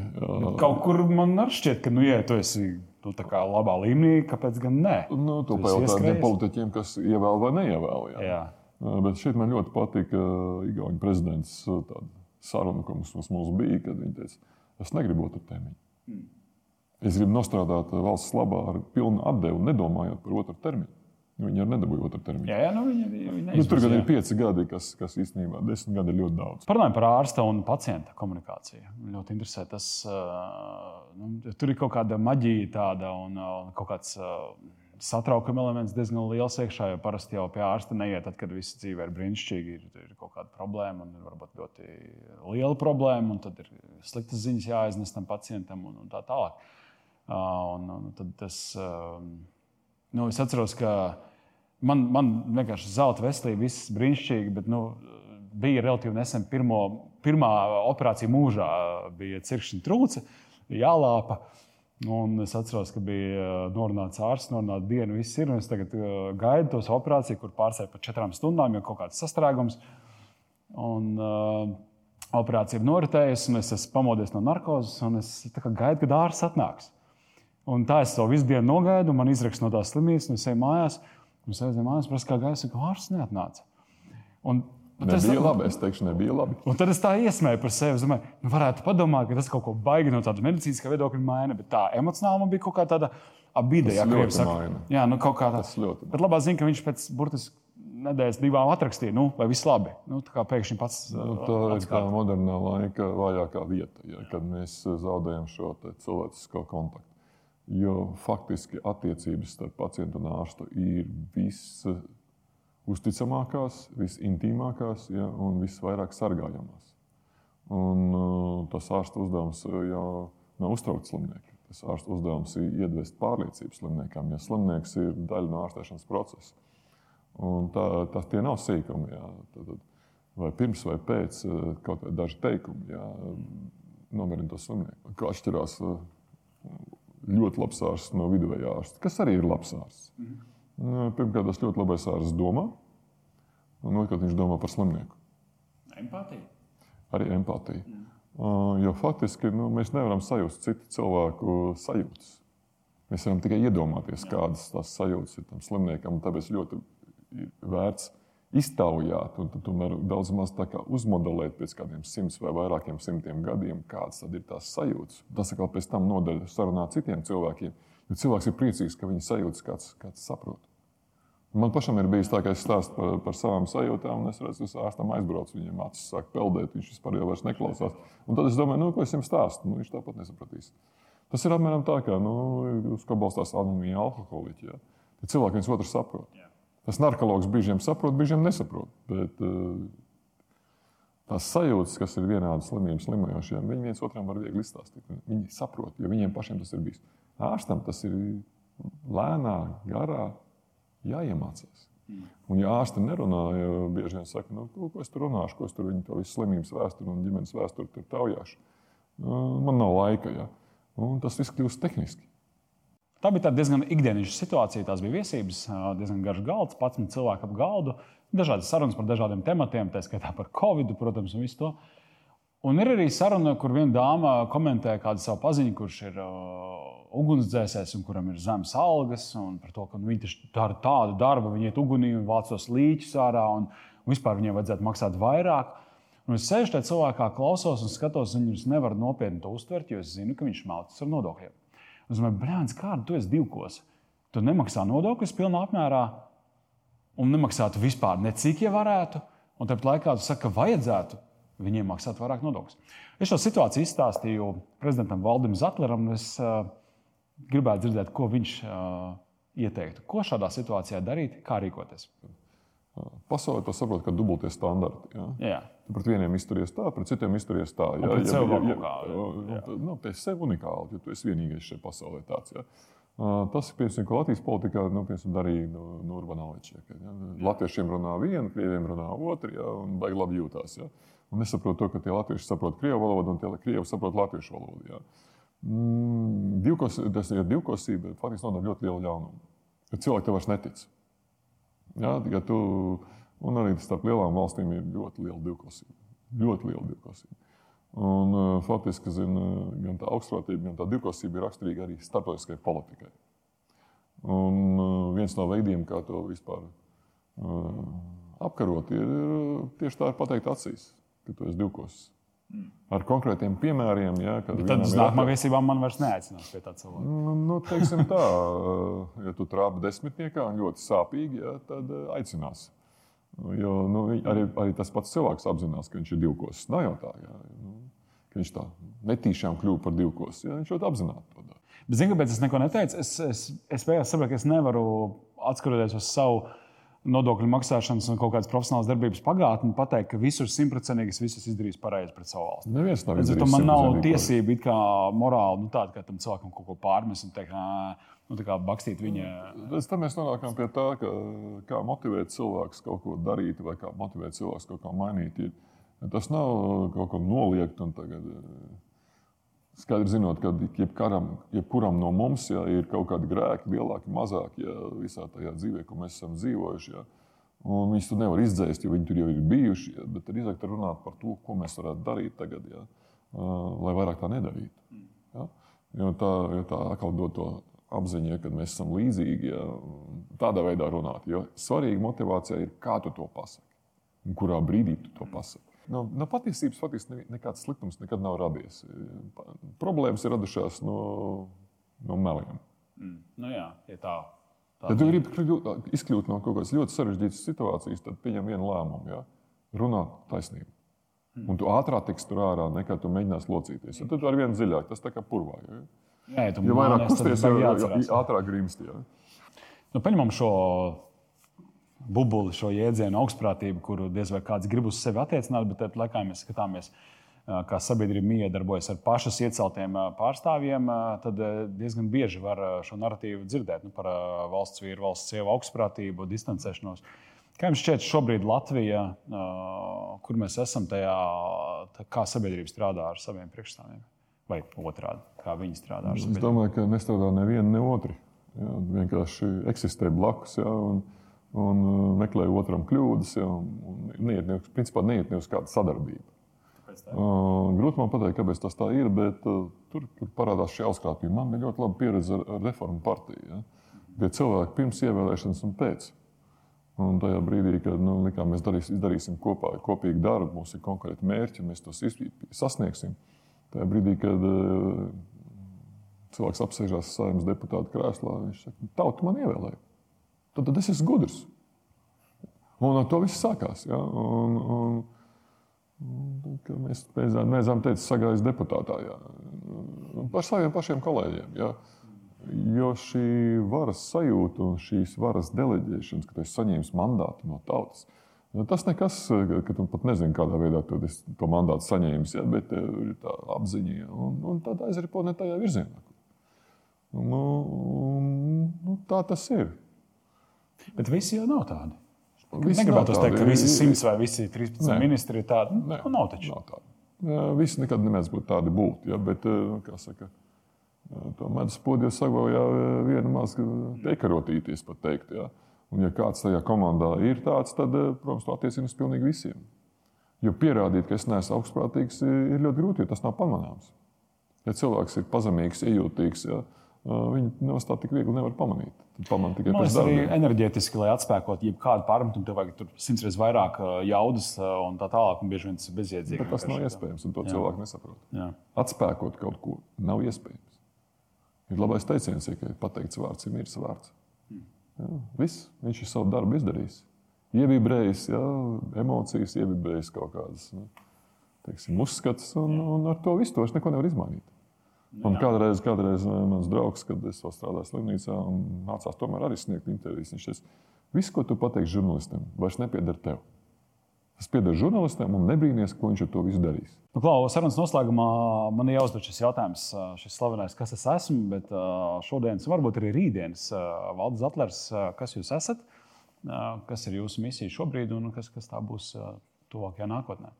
Nu, šis jautājums ir mūžīgais jautājums. Man ļoti patika tā transformācija no tā, ko tad viņš tik stulbi pateica. Ja, un, un pēc tam arī vairāk cilvēki šo jautājumu uzdod. Ja, un pamazām tas pārvēršas par kaut ko pozitīvu. Ja. Es zinu, ka arī savā grāmatā es gribēju uh, nosaukumu. Kas es esmu, man tie līdzautori saka, tu esi traks, ja taču tev atkal tur nāks viss gaismā, un tev noēdīs. Es saku, bet pasies, tas ir būtiskākais jautājums. Ja cilvēks ir spējīgs uzdot šo jautājumu, uzdot sev katru dienu, ja? tad tas nozīmē, ka viņš arī priecāsies par katru dienu, viņam vienmēr būs tie mērķi, par ko mēs runāsim. Ja? Nu, jo tas ir faktiski eksistenciāls jautājums, kāpēc mēs esam šajā pasaulē. Un ko mēs no viņas gribam. Ja? Saprast, kas būs pēc tam un kas bija pirms tam. Ja? To var uzdot tāpat, kā, kā, kā citu jautājumu. Katru rītu, kad tu pamodies, uzdod, kas es esmu. Ja? Un varbūt, ka pat tev, ja tev nav atbildes, tas nav nekas slikts. Galvenais uzdot šo jautājumu. Nu, jā, jo tā jau Atbilde saka, atnāks. Pusi no atbildes jau ir jautājums, vai ne? Jā. Forši. Paldies par sarunu. Paldies jums!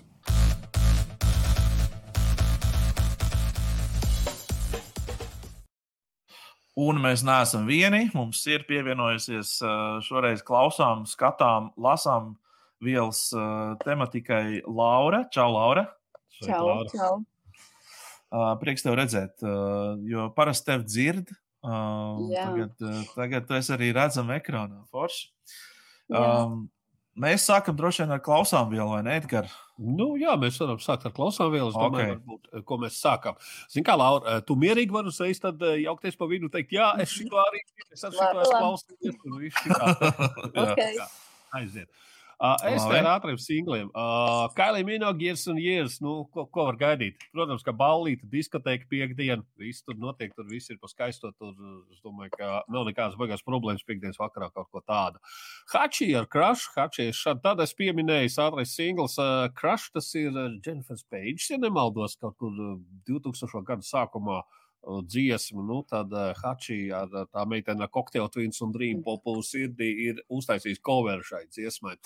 Laižam tālāk, Tears for Fears, The Tipping Point izziņojuši, nākamajā gadā būs albums. Nu, jāsaka tā, tas Tears for Fears novecojam, novecojam, bet skaisti novecojam. Ir, ir vērts kā viņi noveco, kā var novecot skaisti tieši to vīrs.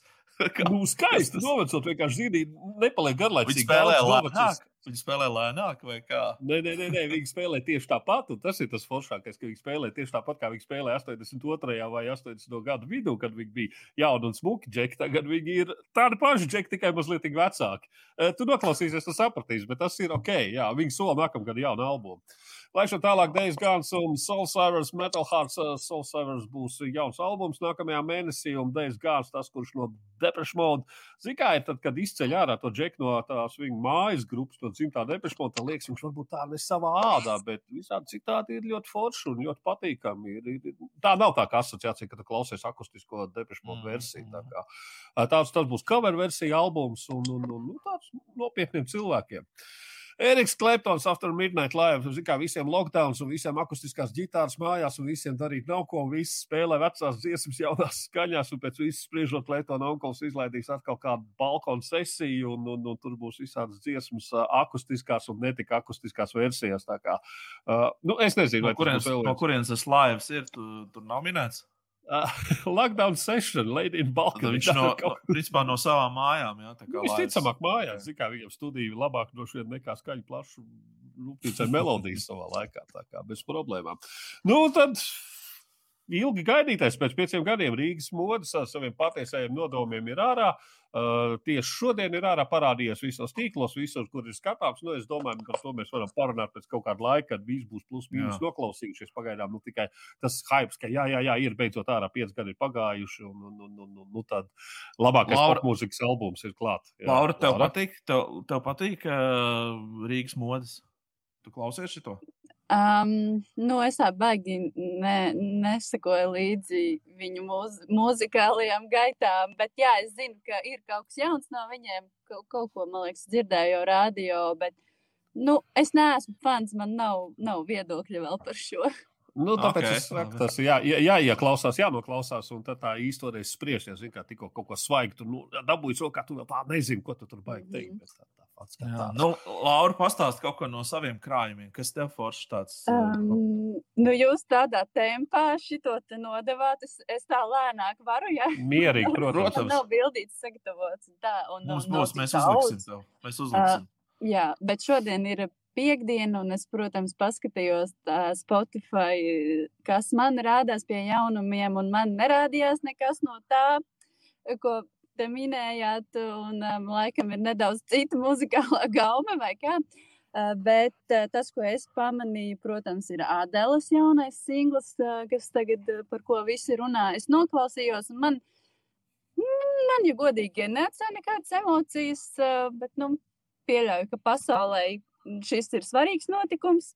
Tāpat arī jaunais Coldplay albums. Eh, Paspēju noklausīties no rīta, aizvedu bērnu uz dārziņu un tad pa ceļam klausījos, nākot eh, mājās. Un, eh, Kad viņiem iznāca? Šodien. Kad, šodien, šodien jā. jā, Oh, jā, šodien, es šodien. kaut ko palaidu garām. Albums uh, Music of the Spheres. Tā kā kaut kāda sfēra mūzika. Tur ir ļoti Nu, dīvaini bet- nosaukumi. Daži ir ar tā kā emoji, vienkārši sirsniņa, zvaigznīte, saturns, uh, zemeslode. Tad ir arī Kā? ir, ir, Kā tu vari nosaukt tādu dziesmu? Kā, kā piemēram, radio varētu pieteikt šādu? te? Zini, kā ja ir stāsts vai kaut kas nezinu. tāds, nu, tur ir zvaigznīgs emoji. nu jā, Hashtag, hashtag, var, hashtag saulīt, saulīt, za- zva- zvanīts, zaķīts. var izdomāt. var interpretēt pa savam. Uh, es noklausījos, bet arī nu, neatstāju nekādu baigo pēcgaršu. Nu, nu tā, protams, nu, nezinu, tie pēdējie Coldplay albumi man nav vairs baigi tuvie. Tu gribētu teikt, ka tu esi visu, visu no Coldplay dzirdējusi jau, ko viņi, ir, ko viņi var no sevis izspiest. Kā tev ir sajūta? Um, nu jā, tāda, nu, liekas, tāda atspēlēšana, bet. Uh, Es nezinu, Mhm. otrais man neceļās roka vairs tā kā speciāli klausīties un domāt, varbūt iepatiksies. Bingo, es arī esmu, jā. es šorīt paspēju noklausīties šo te Coldplay albumu. Un, un tu, tu, nu, tā, ka neuzrunā, nu tā, ka, nu, come on. Nu, Vai ne? Dodiet mums vēl tos vecos labos Coldplayus atpakaļ. Šajā sakarā es tikai domāju, arī nu, nākamā nedēļa būs prāta vētrā ja- jauns albums, un, un redzēs, kā būs ar to. Vai būs kaut kas jauns arī? Un tā, nu, tā Coldplay salīdzinājumā vienkārši, ka arī jau grupa jau tik ilgi ir, un, un tad gribēs arī kaut ko jaunu sagaidīt. un Nevar zināt. Visticamāk, nesagaidīsim kaut ko jaunu. Es tā negribu būt sliktā valsts, bet es domāju, mēs neko baigi jaunu nesagaidīsim no PV jaunā albuma. Nu, kā. es nezinu, man uzrunāja tas, ka tur būs arī dziesma ar Ansi, piemēram. Nu, kaut kas varbūt Nu, visiem ar Ansi tagad ir dziesmas. Tagad ir visiem ar Ansi, jā.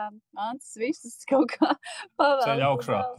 Bet tā ir, tā ir. Un nu, vēl viena lieta, viena lieta, kas man iepatikās no tā mana relīza radara, ir Bonivera, bet tā dziesma nav jauna, tā ir dziesma, viņš ir mm, tāda studijas versija publicēta dziesmai, mm, nu, kā viņu nu sauca, Better Rest. Laikam, jā, un tā ir no albuma, kas iznāca jau 2011. gadā, un tagad albumam ir desmit gadu jubileja. Albums, kuru sauc Boniver, tāpat kā Boniver. Un, um, un es, ne, es biju palaidis garām to ziņu, ka janvārī iznāks kaut kāda īpašā versija šim albumam par godu šiem desmit gadiem. Un, jā, šī versija gan man ļoti iepatikās, to es noteikti klausīšos vēl. Un tāpat arī Maikla Kivenukas jaunās divas, ja nemaldos, dziesmas um, no kaut kāda tur seriāla, es nezinu kāda, bet nu, dziesmas labas. Mhm. Un, a- Abi šie mūziķi, kuriem vajadzēja būt arī Latvijā, kad, kad Jā. vēl varēja plānot tādas lietas, bet, nu, cerams, sagaidīsim. Tā, tas tā Nu, no manis tādiem Tu, klausām. tu man, ā, kā saka, ar piespēlēji dažas idejas. Es tiešām labprāt noklausīšos gan Boniveru, atgādināšu sev, kas, kas tas bija. Tas tāds. ir, jā. Nē, es atceros, atceros Boniveru un viņa atceros To pozitīvus, un viņa bija ļoti tas ir reāli krūts. Labi, ok, to es arī nok- noklausīšos. Bet es atceros, pozitīvs Boniveram bija tik skaists uh, uznāciens. Laika foršais bija. Jā. Es, starp citu, esmu klausījies podkāstus. Kāp, kāpēc arī Laura ir šeit? Tāpēc, ka es. Lauras, Lauras uh, podkāstu sarunu ar uh, Loretu noklausījos. Um, vai tu varbūt vari man mazliet iedot tādas aizkulises? Uh, es saprotu, tu, uh, tu, tu, tu speciāli brauc uz Portugālu uh, viņu intervēt, vai tas bija tāds uh, apvienošanas kārtībā? Um, nu, viņa manā intervējamo sarakstā bija ielikta jau kādu laiku, tad es domāju, ka, kad būs tas īstais brīdis, eh, kad sakritīs viss, visi apstākļi, tad es noteikti ar viņu ierakstīšu podkāstu. Es jau viņai, viņai to biju teikusi. Instagramā es viņu nebiju satikusi dzīvē, mēs nebijām tikšās. Bet uh, tad viņa piekrita šai domai. Un, uh, nē, nu, sakrita vienkārši tā, ka es kaut kur gribēju braukt, un uh, pēdējā laikā kaut kā baigi tā Portugāla vilka, un, uh, nu, jā, aizbraucu. Viņa pati gan nedzīvo Portugālē, viņa dzīvo Spānijā. Jā. Uh, bet, uh, Bet jūs satikāties Portugālē. Jā, viņi dzīvo netālu no Portugāles robežas, tad viņi ar mašīnu atbrauca un tālāk. Bet viņš šobrīd ir Mhm. Latvijā, un tas sanāca nedaudz. Viņ- Es nezināju, ka viņi būs, un viņa pati laikam arī nē, bet nu, tur tā sanāca. Viņa...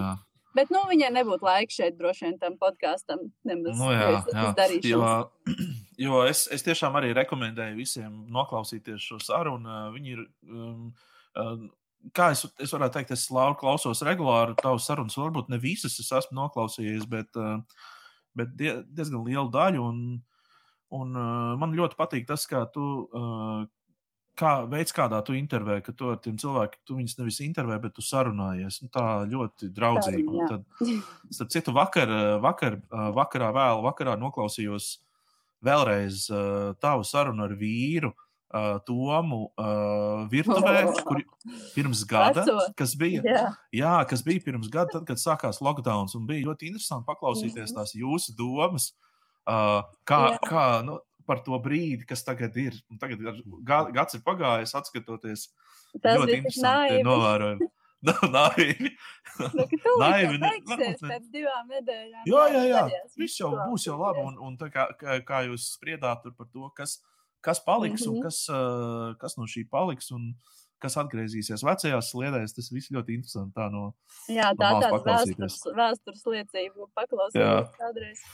Tā kā. Forši rekomendēja podkāstu, nu, pakluso mm, uh, klausīties. Tas ir foršs forš, forš sarunas. Tiešām. Nu, ko, ejam pie, ejam pie lasām vielas, jā? Mhm.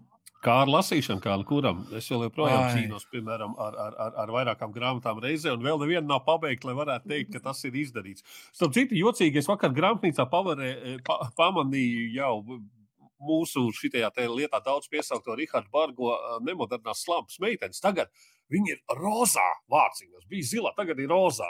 Es nezinu, ir izpārdots, vai tā ir meiteņu versija tagad. Jaunā, jaunais editions kaut kāds. Jā, es domāju, jauns editions. Domāju, varbūt Rihardam Bargam tagad ir nemodernie slāpes džeki vai kaut kas tāds iznācis otrā daļa. Labi, uh, Kristā, tavs uzgājiens. O, jā, es kā vienmēr, es, neko, nu, es tā kā nelasu, bet es klausos. Man ir audio grāmatas. ām, Es, ām, es drīz vienkārši aizmirsīšu, kāds ir lasīt. Bet, ā, bet, ā, jā, bet ā, tā vispār kopumā audio grāmatas arī līdzīgi kā podkāsts, viņi tā kā pašas iekrīt, iekrīt tev uzreiz tajās smadzenēs. Un, um, Šī ir grāmata par, par lietu, par kuru es esmu ļoti daudz domājis pēdējā laikā. un Es um, vienkārši pateicoties vienam kolēģim, kurš man ieteica šo darbu, um, viņu tā kā arī sāku klausīties. Uh, Ideja ir ļoti vienkārša.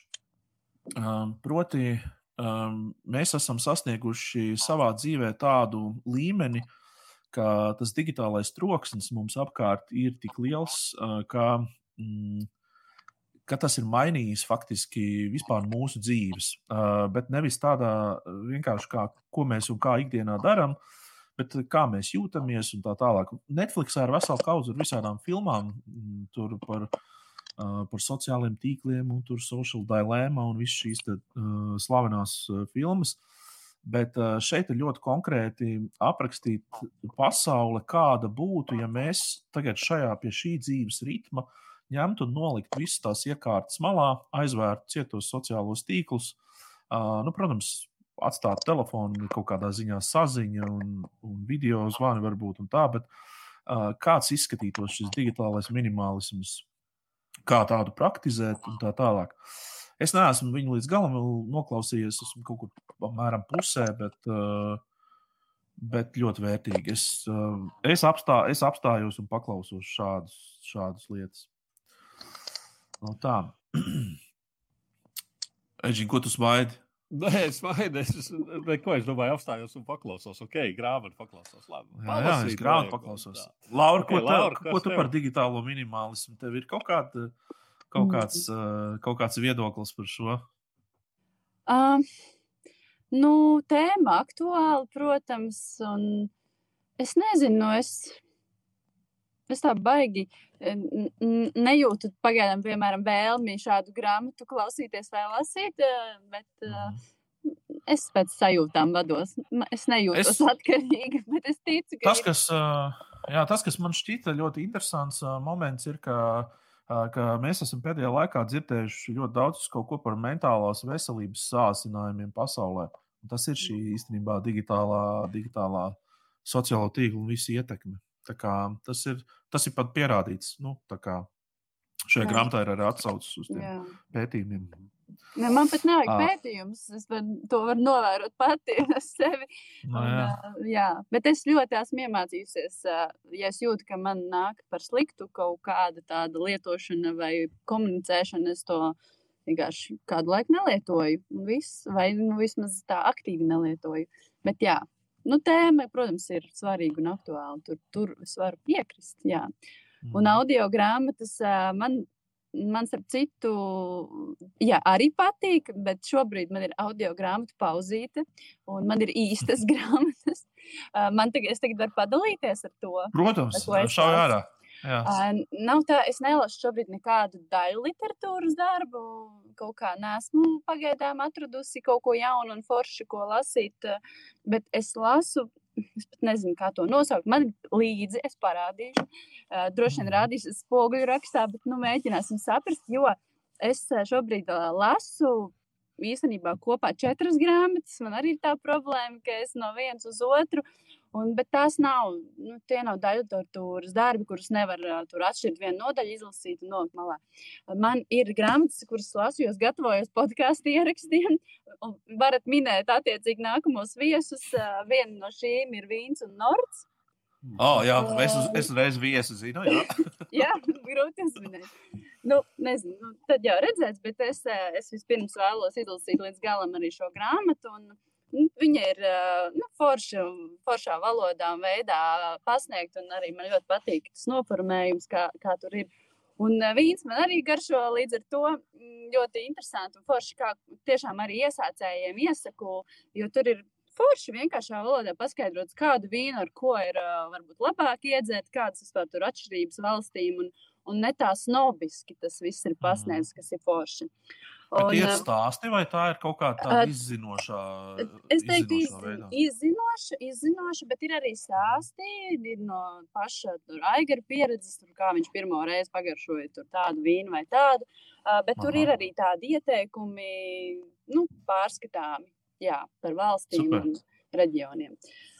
Tālūk, ā, tad otra grāmata, ko es lasu, te būs grūtāk viesi uzminēt, bet es neteikšu, kurš. Bet es lasu šo prāta vētras, ja, meklēt vienam otru, uh, kas ir, um, ko ir uh, sarakstījusi, sastādījusi kaut kāda krievu žurnāliste um, Alīna. Katrāne. Neviens viņu nezina. Jā. Uh, Jā, bet nu, vienmēr sakot, viņa ir apkopojusi viņu stāstus par uh, nu, un atmiņas par grupu. Un, uh, nebija, nebija plānojis šo grāmatu tā speciāli pirkt un lasīt, bet uh, īstenībā ir tīri ok. Un uh, es pat apraudājos viņu lasot, un tā, jo tur tie uh, nu, tādi stāsti, ko laikam viņi nebija īsti paši dalījušies, vēl vismaz es nebiju pamanījusi nekur tādi personīgāki tādi un, un tā. Tālūk, tā, tā ir man izzinošā literatūra. Tu varētu teikt, ka tu ieguvi, ieguvi informatīvā ziņā kaut ko vairāk par prātu vētru, nekā tu zināji pirms tam. e, No, Jā, tā, no tādas grāmatas. Ja? Ed, jā, Edgaram jā. arī bija. Edgars arī lasīja šo grāmatu. Es arī pareizi esmu izlasījis cauri, nu, jau godīgi sakot, es esmu aizmirsis to grāmatu. Jā. Mēs ar Ulu Rudaku runājām kādreiz par šo grāmatu. Kaut kad vasarā viņš teica, ka tā ir tā grāmata, ko tu izlasi, un tad tu gribi nest atpakaļ uz grāmatnīcu, nu vismaz pusi no naudas dabūt atpakaļ. Nē, nu, jau, ā, nu, jā, es domāju, divreiz jau tu nelasīsi. Nu, jā, tāpēc, ka tā ir tas pirmkārt tulkojums no krievu valodas, un tas vairāk tādas esejas, tādas, tādas tā kā Jā. žurnāl, žur, sieviešu žurnālos tādas var lasīt. Jā, es piekrītu, ka, ka varētu uzrakstīt tādā sulīgākā, foršākā valodā, laikam tas tulkojums. Uh, bet, nu, bet, lai Ulas Rudaks uzraksta, jo, cik saprotu, viņš ir mēģinājis darīt, bet tā arī nav izdarījis. Un šajā sakarā es arī palasīju okupācijā tieši sadaļu par prāta vētru. Nu tā, Mhm. kādas ir uh, Ulda Rudaka pirmās atmiņas par grupu, tad, nu, tā valoda ir uh, foršāka, jāsaka. Tā jā. ir foršāk. Jā, tā kā Ulim jāsaņemās. Un labi, vēl viena, ko es pieminēšu, uh, audio grāmatas sakarā ir uh, kaut kad pandēmijā, neatceros jau vairs kad, bet Netflixā iznāca uh, Frana Lebovits uh, kā O, jā. tāds raidījums. Un uh, es toreiz viņu noskatījos, un tad es sapratu, ka man vajag grāmatu. Uh, noklausījos audio grāmatu, un tas bija uh, uh, nu, tāds esejas par, uh, par dzīvi, par pilsētu, par Ņujorku. Un uh, es to noklausījos tādā rekordātrumā, tiešām vienkārši kārtojot māju un darot visādas pandēmijas lietas. Nu, tad es arī to grāmatu dabūju dāvinā, un tagad es ik pa laikam viņu pašķirstu. Jo tur ir par dažādām tēmām, un, un, un tādu par mūziku, par mākslu, un, un ļoti tādi eh, sarkastiski, trāpīgi izteicieni. Un tā, Un Ļoti oriģināls grāmata, domas. Ļoti Jā, oriģināls domas vispār tādas. Nu, kur, Tālūk. Tā ir, tā ir forša. Tā, to uz biblioteku atpakaļ es negribēs. Tā Jā, nē, aplaudēju. Šis ir, starp citu, atkal viena lieta, ko tu man tagad, eh, ko es tagad īstenībā pameklēšu, tieši Frāna Labo, Labovits. eh, Mhm. ši- Tieši, tieši šis te, tas ir ļoti labi. Jā, nē, cik pasies. Tā Mēs ir. ar visu kaut ko iegūstam. Nu, ko, Edgars, Nu, skatām vēl, jā? Nu, Pēdējā sadaļā skatām, vēl, ko, nu, kurš te mēs runājam par to, ko kurš ir skatījies. Tā varbūt padarām, tas varbūt vien ka, jebkas, bet mēs parasti runājam par kaut kādiem seriāliem un filmām. Es esmu uzsēdies uz, uz skolu uh, produktu Only Marvelous in the Building. Nu, vecā skola Stīvs Mārtiņš un Mārtiņš Šorts ar jauno skolu, ja tā var teikt, Selena Gomez. Liekas, kā tas iet kopā, tas lieliski iet kopā, tur viss ir forši. Viņš ir uplifting, uh, vecā stila detektīvs mūsdienīgā mērcē. Nu, kā tas Steve Mārtiņš, tā humora izjūta ar, ar, ar, ar teiksim, Selenas Gomezes paudzi. Nu, tur viss ir baigi forši. Stāsts nav vērts varbūt Uh, atstāstīts fakts ir tāds, ka arī pie Džeki un šī dāmīte taisa podkāstu, kuriem ir pat 17 klausītāji. Un tas, protams, ir par slepkavībām. Un nekā par- mums. Jā, un, un, un, un, un, un, un, un viss notiek vienā mājā, un viņi izmeklē slepkavības, un tad tur visādas tādas bišķī, tādas, tādas, tādas uh, savēršanās kopā. Ir forši, ir interesanti. Tas atkal tas visais formāts, nepilnīgi pusstundu katra epizode, un tādu var vienā vakarā nobīņģot, vienīgi, ka šis vēl nav bīņģojamais, vēl nākamā, nākamajā nedēļā noslēguma sēde. Nu tā. Skatos, Kristofs ir skatījies kaut ko gudru. Es, es, es, šis, es kaunos par šo, bet ne, nu, es neko Kāpēc? nevaru darīt. Es Netflixā vienkārši atkal nakts, eh, nakts darbu rezultāts, ja, fonā skatos. Un eh, man Kevins Hārts vienkārši ļoti patīk. Es esmu kaut kāds tas viņa, viņa stila un viņa humora cienītājs. Protams, ka tās abas filmas ir nu, totāli stulbas, bet, eh, bet, bet, bet uh, Kevin, Kevins Hārts uh, kā aktieris tā, tā, tā dēļ vien. Bet vai es jums rekomendēju? Nē, nerekomendēju. Sadaļa, šo mēs neiesakām. Ja? Lai jau Nē, tālāk. nē, nē. Jā. Okay, laižam tālāk. Uh, Uh, es vēl esmu noskatījies uh, Free Guy. Uh, Zinu, ka datorspēlēs tu spēlē vienmēr fonā ir kaut kāda tur tie mākslīgie intelekti, kur iet tas sienās daudzās iekšā un tā tālāk. Un, un lūk, šīs džeks ir tieši no tiem, ka viņš nav spēlētājs, viņš ir tas, kas tajā spēlēs tur fonā kaut kur grozās, un pēkšņi viņš sāk sev kaut kādā veidā apzināties kā personību un tā tālāk. Tā kā, nu, koncepts nav jauns, spē, eh, dzīve spēlē un tā tālāk. Realitāte ar spēli kopā. Nu, katrā gadījumā tas ir tāds foršs nieks ar kožģiem. Un, ja tu esi spēlējis kaut kādas spēlītas, tu saproti, par ko tur ir uh, stāsts. Un, un, un tur ir foršs atsaucis gan uz Marvel, gan uz zvaigžņu kariem. Nu, tāds uh, neobligāts nieks, kožģīgs formāts. Tālāk. Daudz Nu, uzmanības. jā, jā, es uh, droši vien, ka šeit arī nebūšu oriģināls. Man liekas, daudz Latvijā šobrīd uh, skatās šo seriālu, bet uh, nu, tagad ir tas pienācis brīdis, ka es par viņu arī gribu pateikt, uh, pateikt labus vārdus, ne lamu vārdus, bet labus vārdus. Uh, tiešām, nu, gods un cieņa režisoriem, gods un cieņa visai komandai, arī, arī scenāristiem, starp citu, kas ir neviens viens. Um, un, un, uh, es teiktu, tā, šis manā ieskatā šobrīd ir uh, labākais latviešu seriāls un Latvijā radītais seriāls. Tā kā, es domāju, tur vairāk komentāru nav. Uh, jāņem Jāskatās, jāskatās. Jā. Nu, es vēl neesmu sācis aģentūras Laura, tev, tev, tev ir kāds komentārs par šo? Varbūt es esmu pačikojusi. Jā, es esmu noskatījusies uh, trīs sērijas šobrīd, un varu piekrist, ka labs un attiecīgajā žanrā arī droši vien tiešām labākais. Un, jā, jāskatās, mm. rekomendēju arī no savas puses. Un man, es tagad gaidu, kad būs laiks atkal tā mierīgi ieslēgt to ceturto sēriju, jo sērijas ir diezgan garas. Un, un tur ir Jā. nu, tur gribās tā vienā piegājienā arī noskatīties, netraucēti, nevis tur tā foniņā. Tas nav, man liekas, tāds fona seriāls. Tas nav fona seriāls, galīgi. Ne. Nu, tad laižam Nu. tālāk. Kas mums tālāk? Oi! ar Šī tā filma, ko es neiesaku. Šaimalans. Izskatās. Shy- Ā, Zini, kā pēc Šaimalanam, man liekas, vispār pēc tās Six Sense nekas jēdzīgs baigi nav iznācis. Un, un, un tad, nu, un tad nu, šis arī nav tas gadījums, kad kaut kas ir jēdzīgs. Eh, Ir baigi tā. Kā lai saka, miglaini ir kaut kāda pludmale, kurā pēkšņi viss ļoti ātri laiks, tā kā joņo, tā kā cilvēki ļoti ātri noveco, tā kā tur tas viss notiek, un tad, protams, ir jaunās korporācijas un viss šitais, un tas kopā tā īsti neturās. Tā kā, nu, tas arī ir tā kā Kristaps parasti saka vēlos, vēlos vakaros, tad, kad kaut ko strādā un kaut ko fonā, kaut kas varētu griezties, nu, tad šis ir tas gadījums. Vai iesaku, nu, tā īsti tā kā nē. Nu, tā. Tā. Es nezinu, nu, kā tas pats var riskēt. Es uzlēmos, protams, ka šai monētai atkal, oh, nu, varbūt, varbūt beidzot kaut kas foršs būs. Un, un nav atkal. Nu, atkal nē. Gaidām nākamo filmu. Jā. Es Jā. tavs. Da, jā, es ā, vakar tieši pabeidzu skatīties divās daļās tā, tā Dave Chappelle uh, komiķa uznācienu.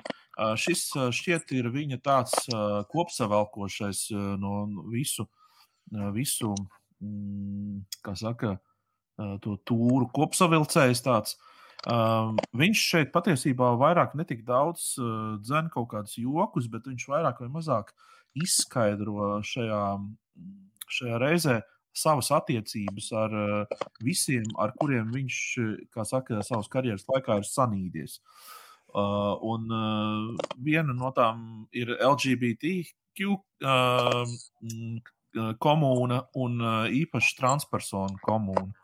Uh, viņš ar viņiem, nu, tā kā es saprotu, nu, kā saka, ir uh, vairākus gadus bijis tādā, nu, neteiksim, konfliktā, bet uh, nu, viņi ir apvainojušies uz viņu. Un tad viņš šajā reizē, kā saka, sniedz to savu skaidrojumu. Un, man liekas, vienmēr ļoti dīvaini, ka komiķi paskaidro savus jokus. Nu, tas ir šķiet ļoti Jā. īpatnēji. Bet tajā pašā laikā varbūt ka kaut kas tāds pie mūsdienu šīs cancel kultūras un vispārējā varbūt ka ir vajadzīgs. Es noskatījos ar interesi. Man likās eh, gan smieklīgi, gan pamācoši, gan, gan tā. Un es arī esmu redzējis Twitterī diezgan daudz labas atsauksmes uh, tieši par šo uznācienu. Mm. Jā. Tā kā skaties, lau, jā. Jā, La- Laura, ķeries klāt tagad savai listei. Ja, ja tev vēl kaut kas, tu, tu vari arī droši nokomentēt šitos visus. Nē, esmu redzējusi neko no šiem, izņemot Emīliju. Tā kā, jā, man ir citi seriāli, un šodien, pirms es pirms šīs tiešraides paspēju noskatīties vienu sēriju no tikko, tikko šodien iznākušās jū trešās sezonas eh, Netflixā pieejams uh, seriāls, un uh, no pirmās divas man ļoti patika, un es zinu, ka ļoti daudzām, vismaz dāmām, ir uh, šis seriāls. jā, jā. Jā, jā, jā. Tāds arī esmu psiholoģisks trilleris. ā, Arī mēs zinām, kas tas ir. Jā, tā kā trešā sezona ir klāta. Šo es plānoju brīvdienās nobidžot ātri vien, es domāju. Jo nu, ar pirmajām sezonām bija tā, ka uzreiz um, sācu un noskaties. Kā Šis, šis mans brīvdienu, aktīvo brīvdienu plāns. Uh, bet nu, visu es vēl neesmu redzējusi. Bet sākums jau labs. Uh, un tā, jau, jaunas pārmaiņas, vis kaut kādas. Uh, un uh, tas, ko es esmu noskatījusies, ir um, HBO laulības dzīves ainiņas, uh, angliski scenes, uh, kā nu tur bija, scenes from Jā. marriage vai kaut kā tā. Un to es noskatījos, un šobrīd eh, es uzskatu to noteikti par gada labāko seriālu, vismaz no tiem, ko es esmu redzējusi. Un, lai gan esmu redzējusi daudzas, kas man tiešām ir patikušas šogad, bet šis ir tik, nu, viņš ir tik īsts un patiess un, un, un, uh, un Nav aktieri.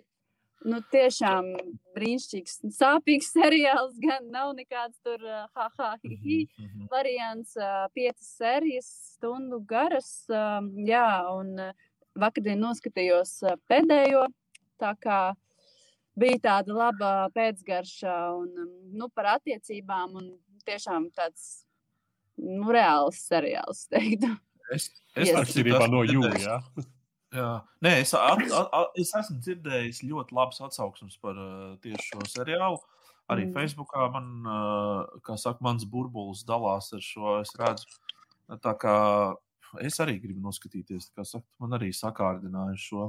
Tad es Nu, droši vien domāju, ka tur, tur ir viss kā pa īstam. Tur nav. Tas jau ir uh, tas Bergmana versijas adaptētais seriāls, kas oriģināls ir bijis tas 70 kaut kādā tur trešajā gadā, un tagad man mērķis ir noskatīties to versiju. To zviedru oriģinālo versiju un paskatīties, kas tur atšķirās. Un, tā. un trešais, ko es sāku skatīties lidmašīnā, downloadēju sev epizodus, bija tas pats Seinfeld, ko es neesmu redzējusi. Un tas gan ir labs fona seriāls, ko var uh, uzlikt. Tur man vēl daudz jāskatās, bet nu, vienīgais, ko es sapratu, skatoties šo, ir pats. Man ir uh, tagad vilšanās par visiem seriāliem, kuri man likās forši. Nu, Friends, tur Havai Meteoroloģija. Es saprotu, ka viss ir paņemts no šejienes. Jā. Vairs, nu, ir tāds pats, bet, nu, jā, labs seriāls. Ko Labs. darīt? Neko darīt. Tā, tā tas arī ir. Jā. Jā. E, Es, es, es kaut kad viņu sen esmu skatījies, es vairs neatceros. Bet, bet, bet, bet uh, pēcgarša uh, ir uz visu mūžu. Par viņiem. Nu, tā. Nu, labi, nu, man ir prieks, ka mēs esam kaut ko skatījušies, klausījušies un lasījuši. Es uh, ceru, ka arī skatītāji, klausītāji kaut ko aizņēmās no tā un varēs nedēļas nogalē uh, paskatīties. Laura, tev liels, liels paldies, ka tu bija kopā ar mums. Piekrīt šai Jā. muzejai. Paldies jums par iespēju padalīties. Jā, tad gan tiekamies. biežāk. Vai Kaut kad tiekamies vēl. Jā, Labi, paldies. čau. Tā. labi, tā.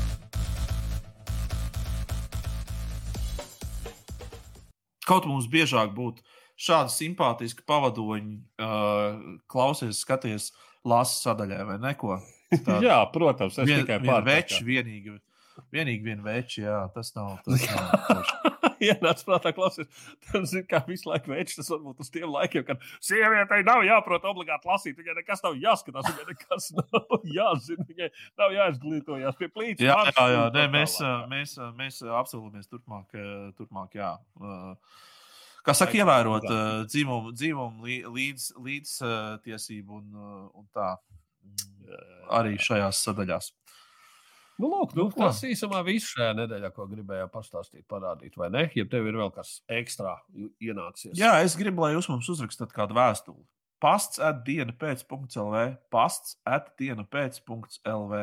Uh, uzrakstiet mm -hmm. mums vēstuli, kā jums patika. Uh, ierakstiet varbūt arī kādu komentāru.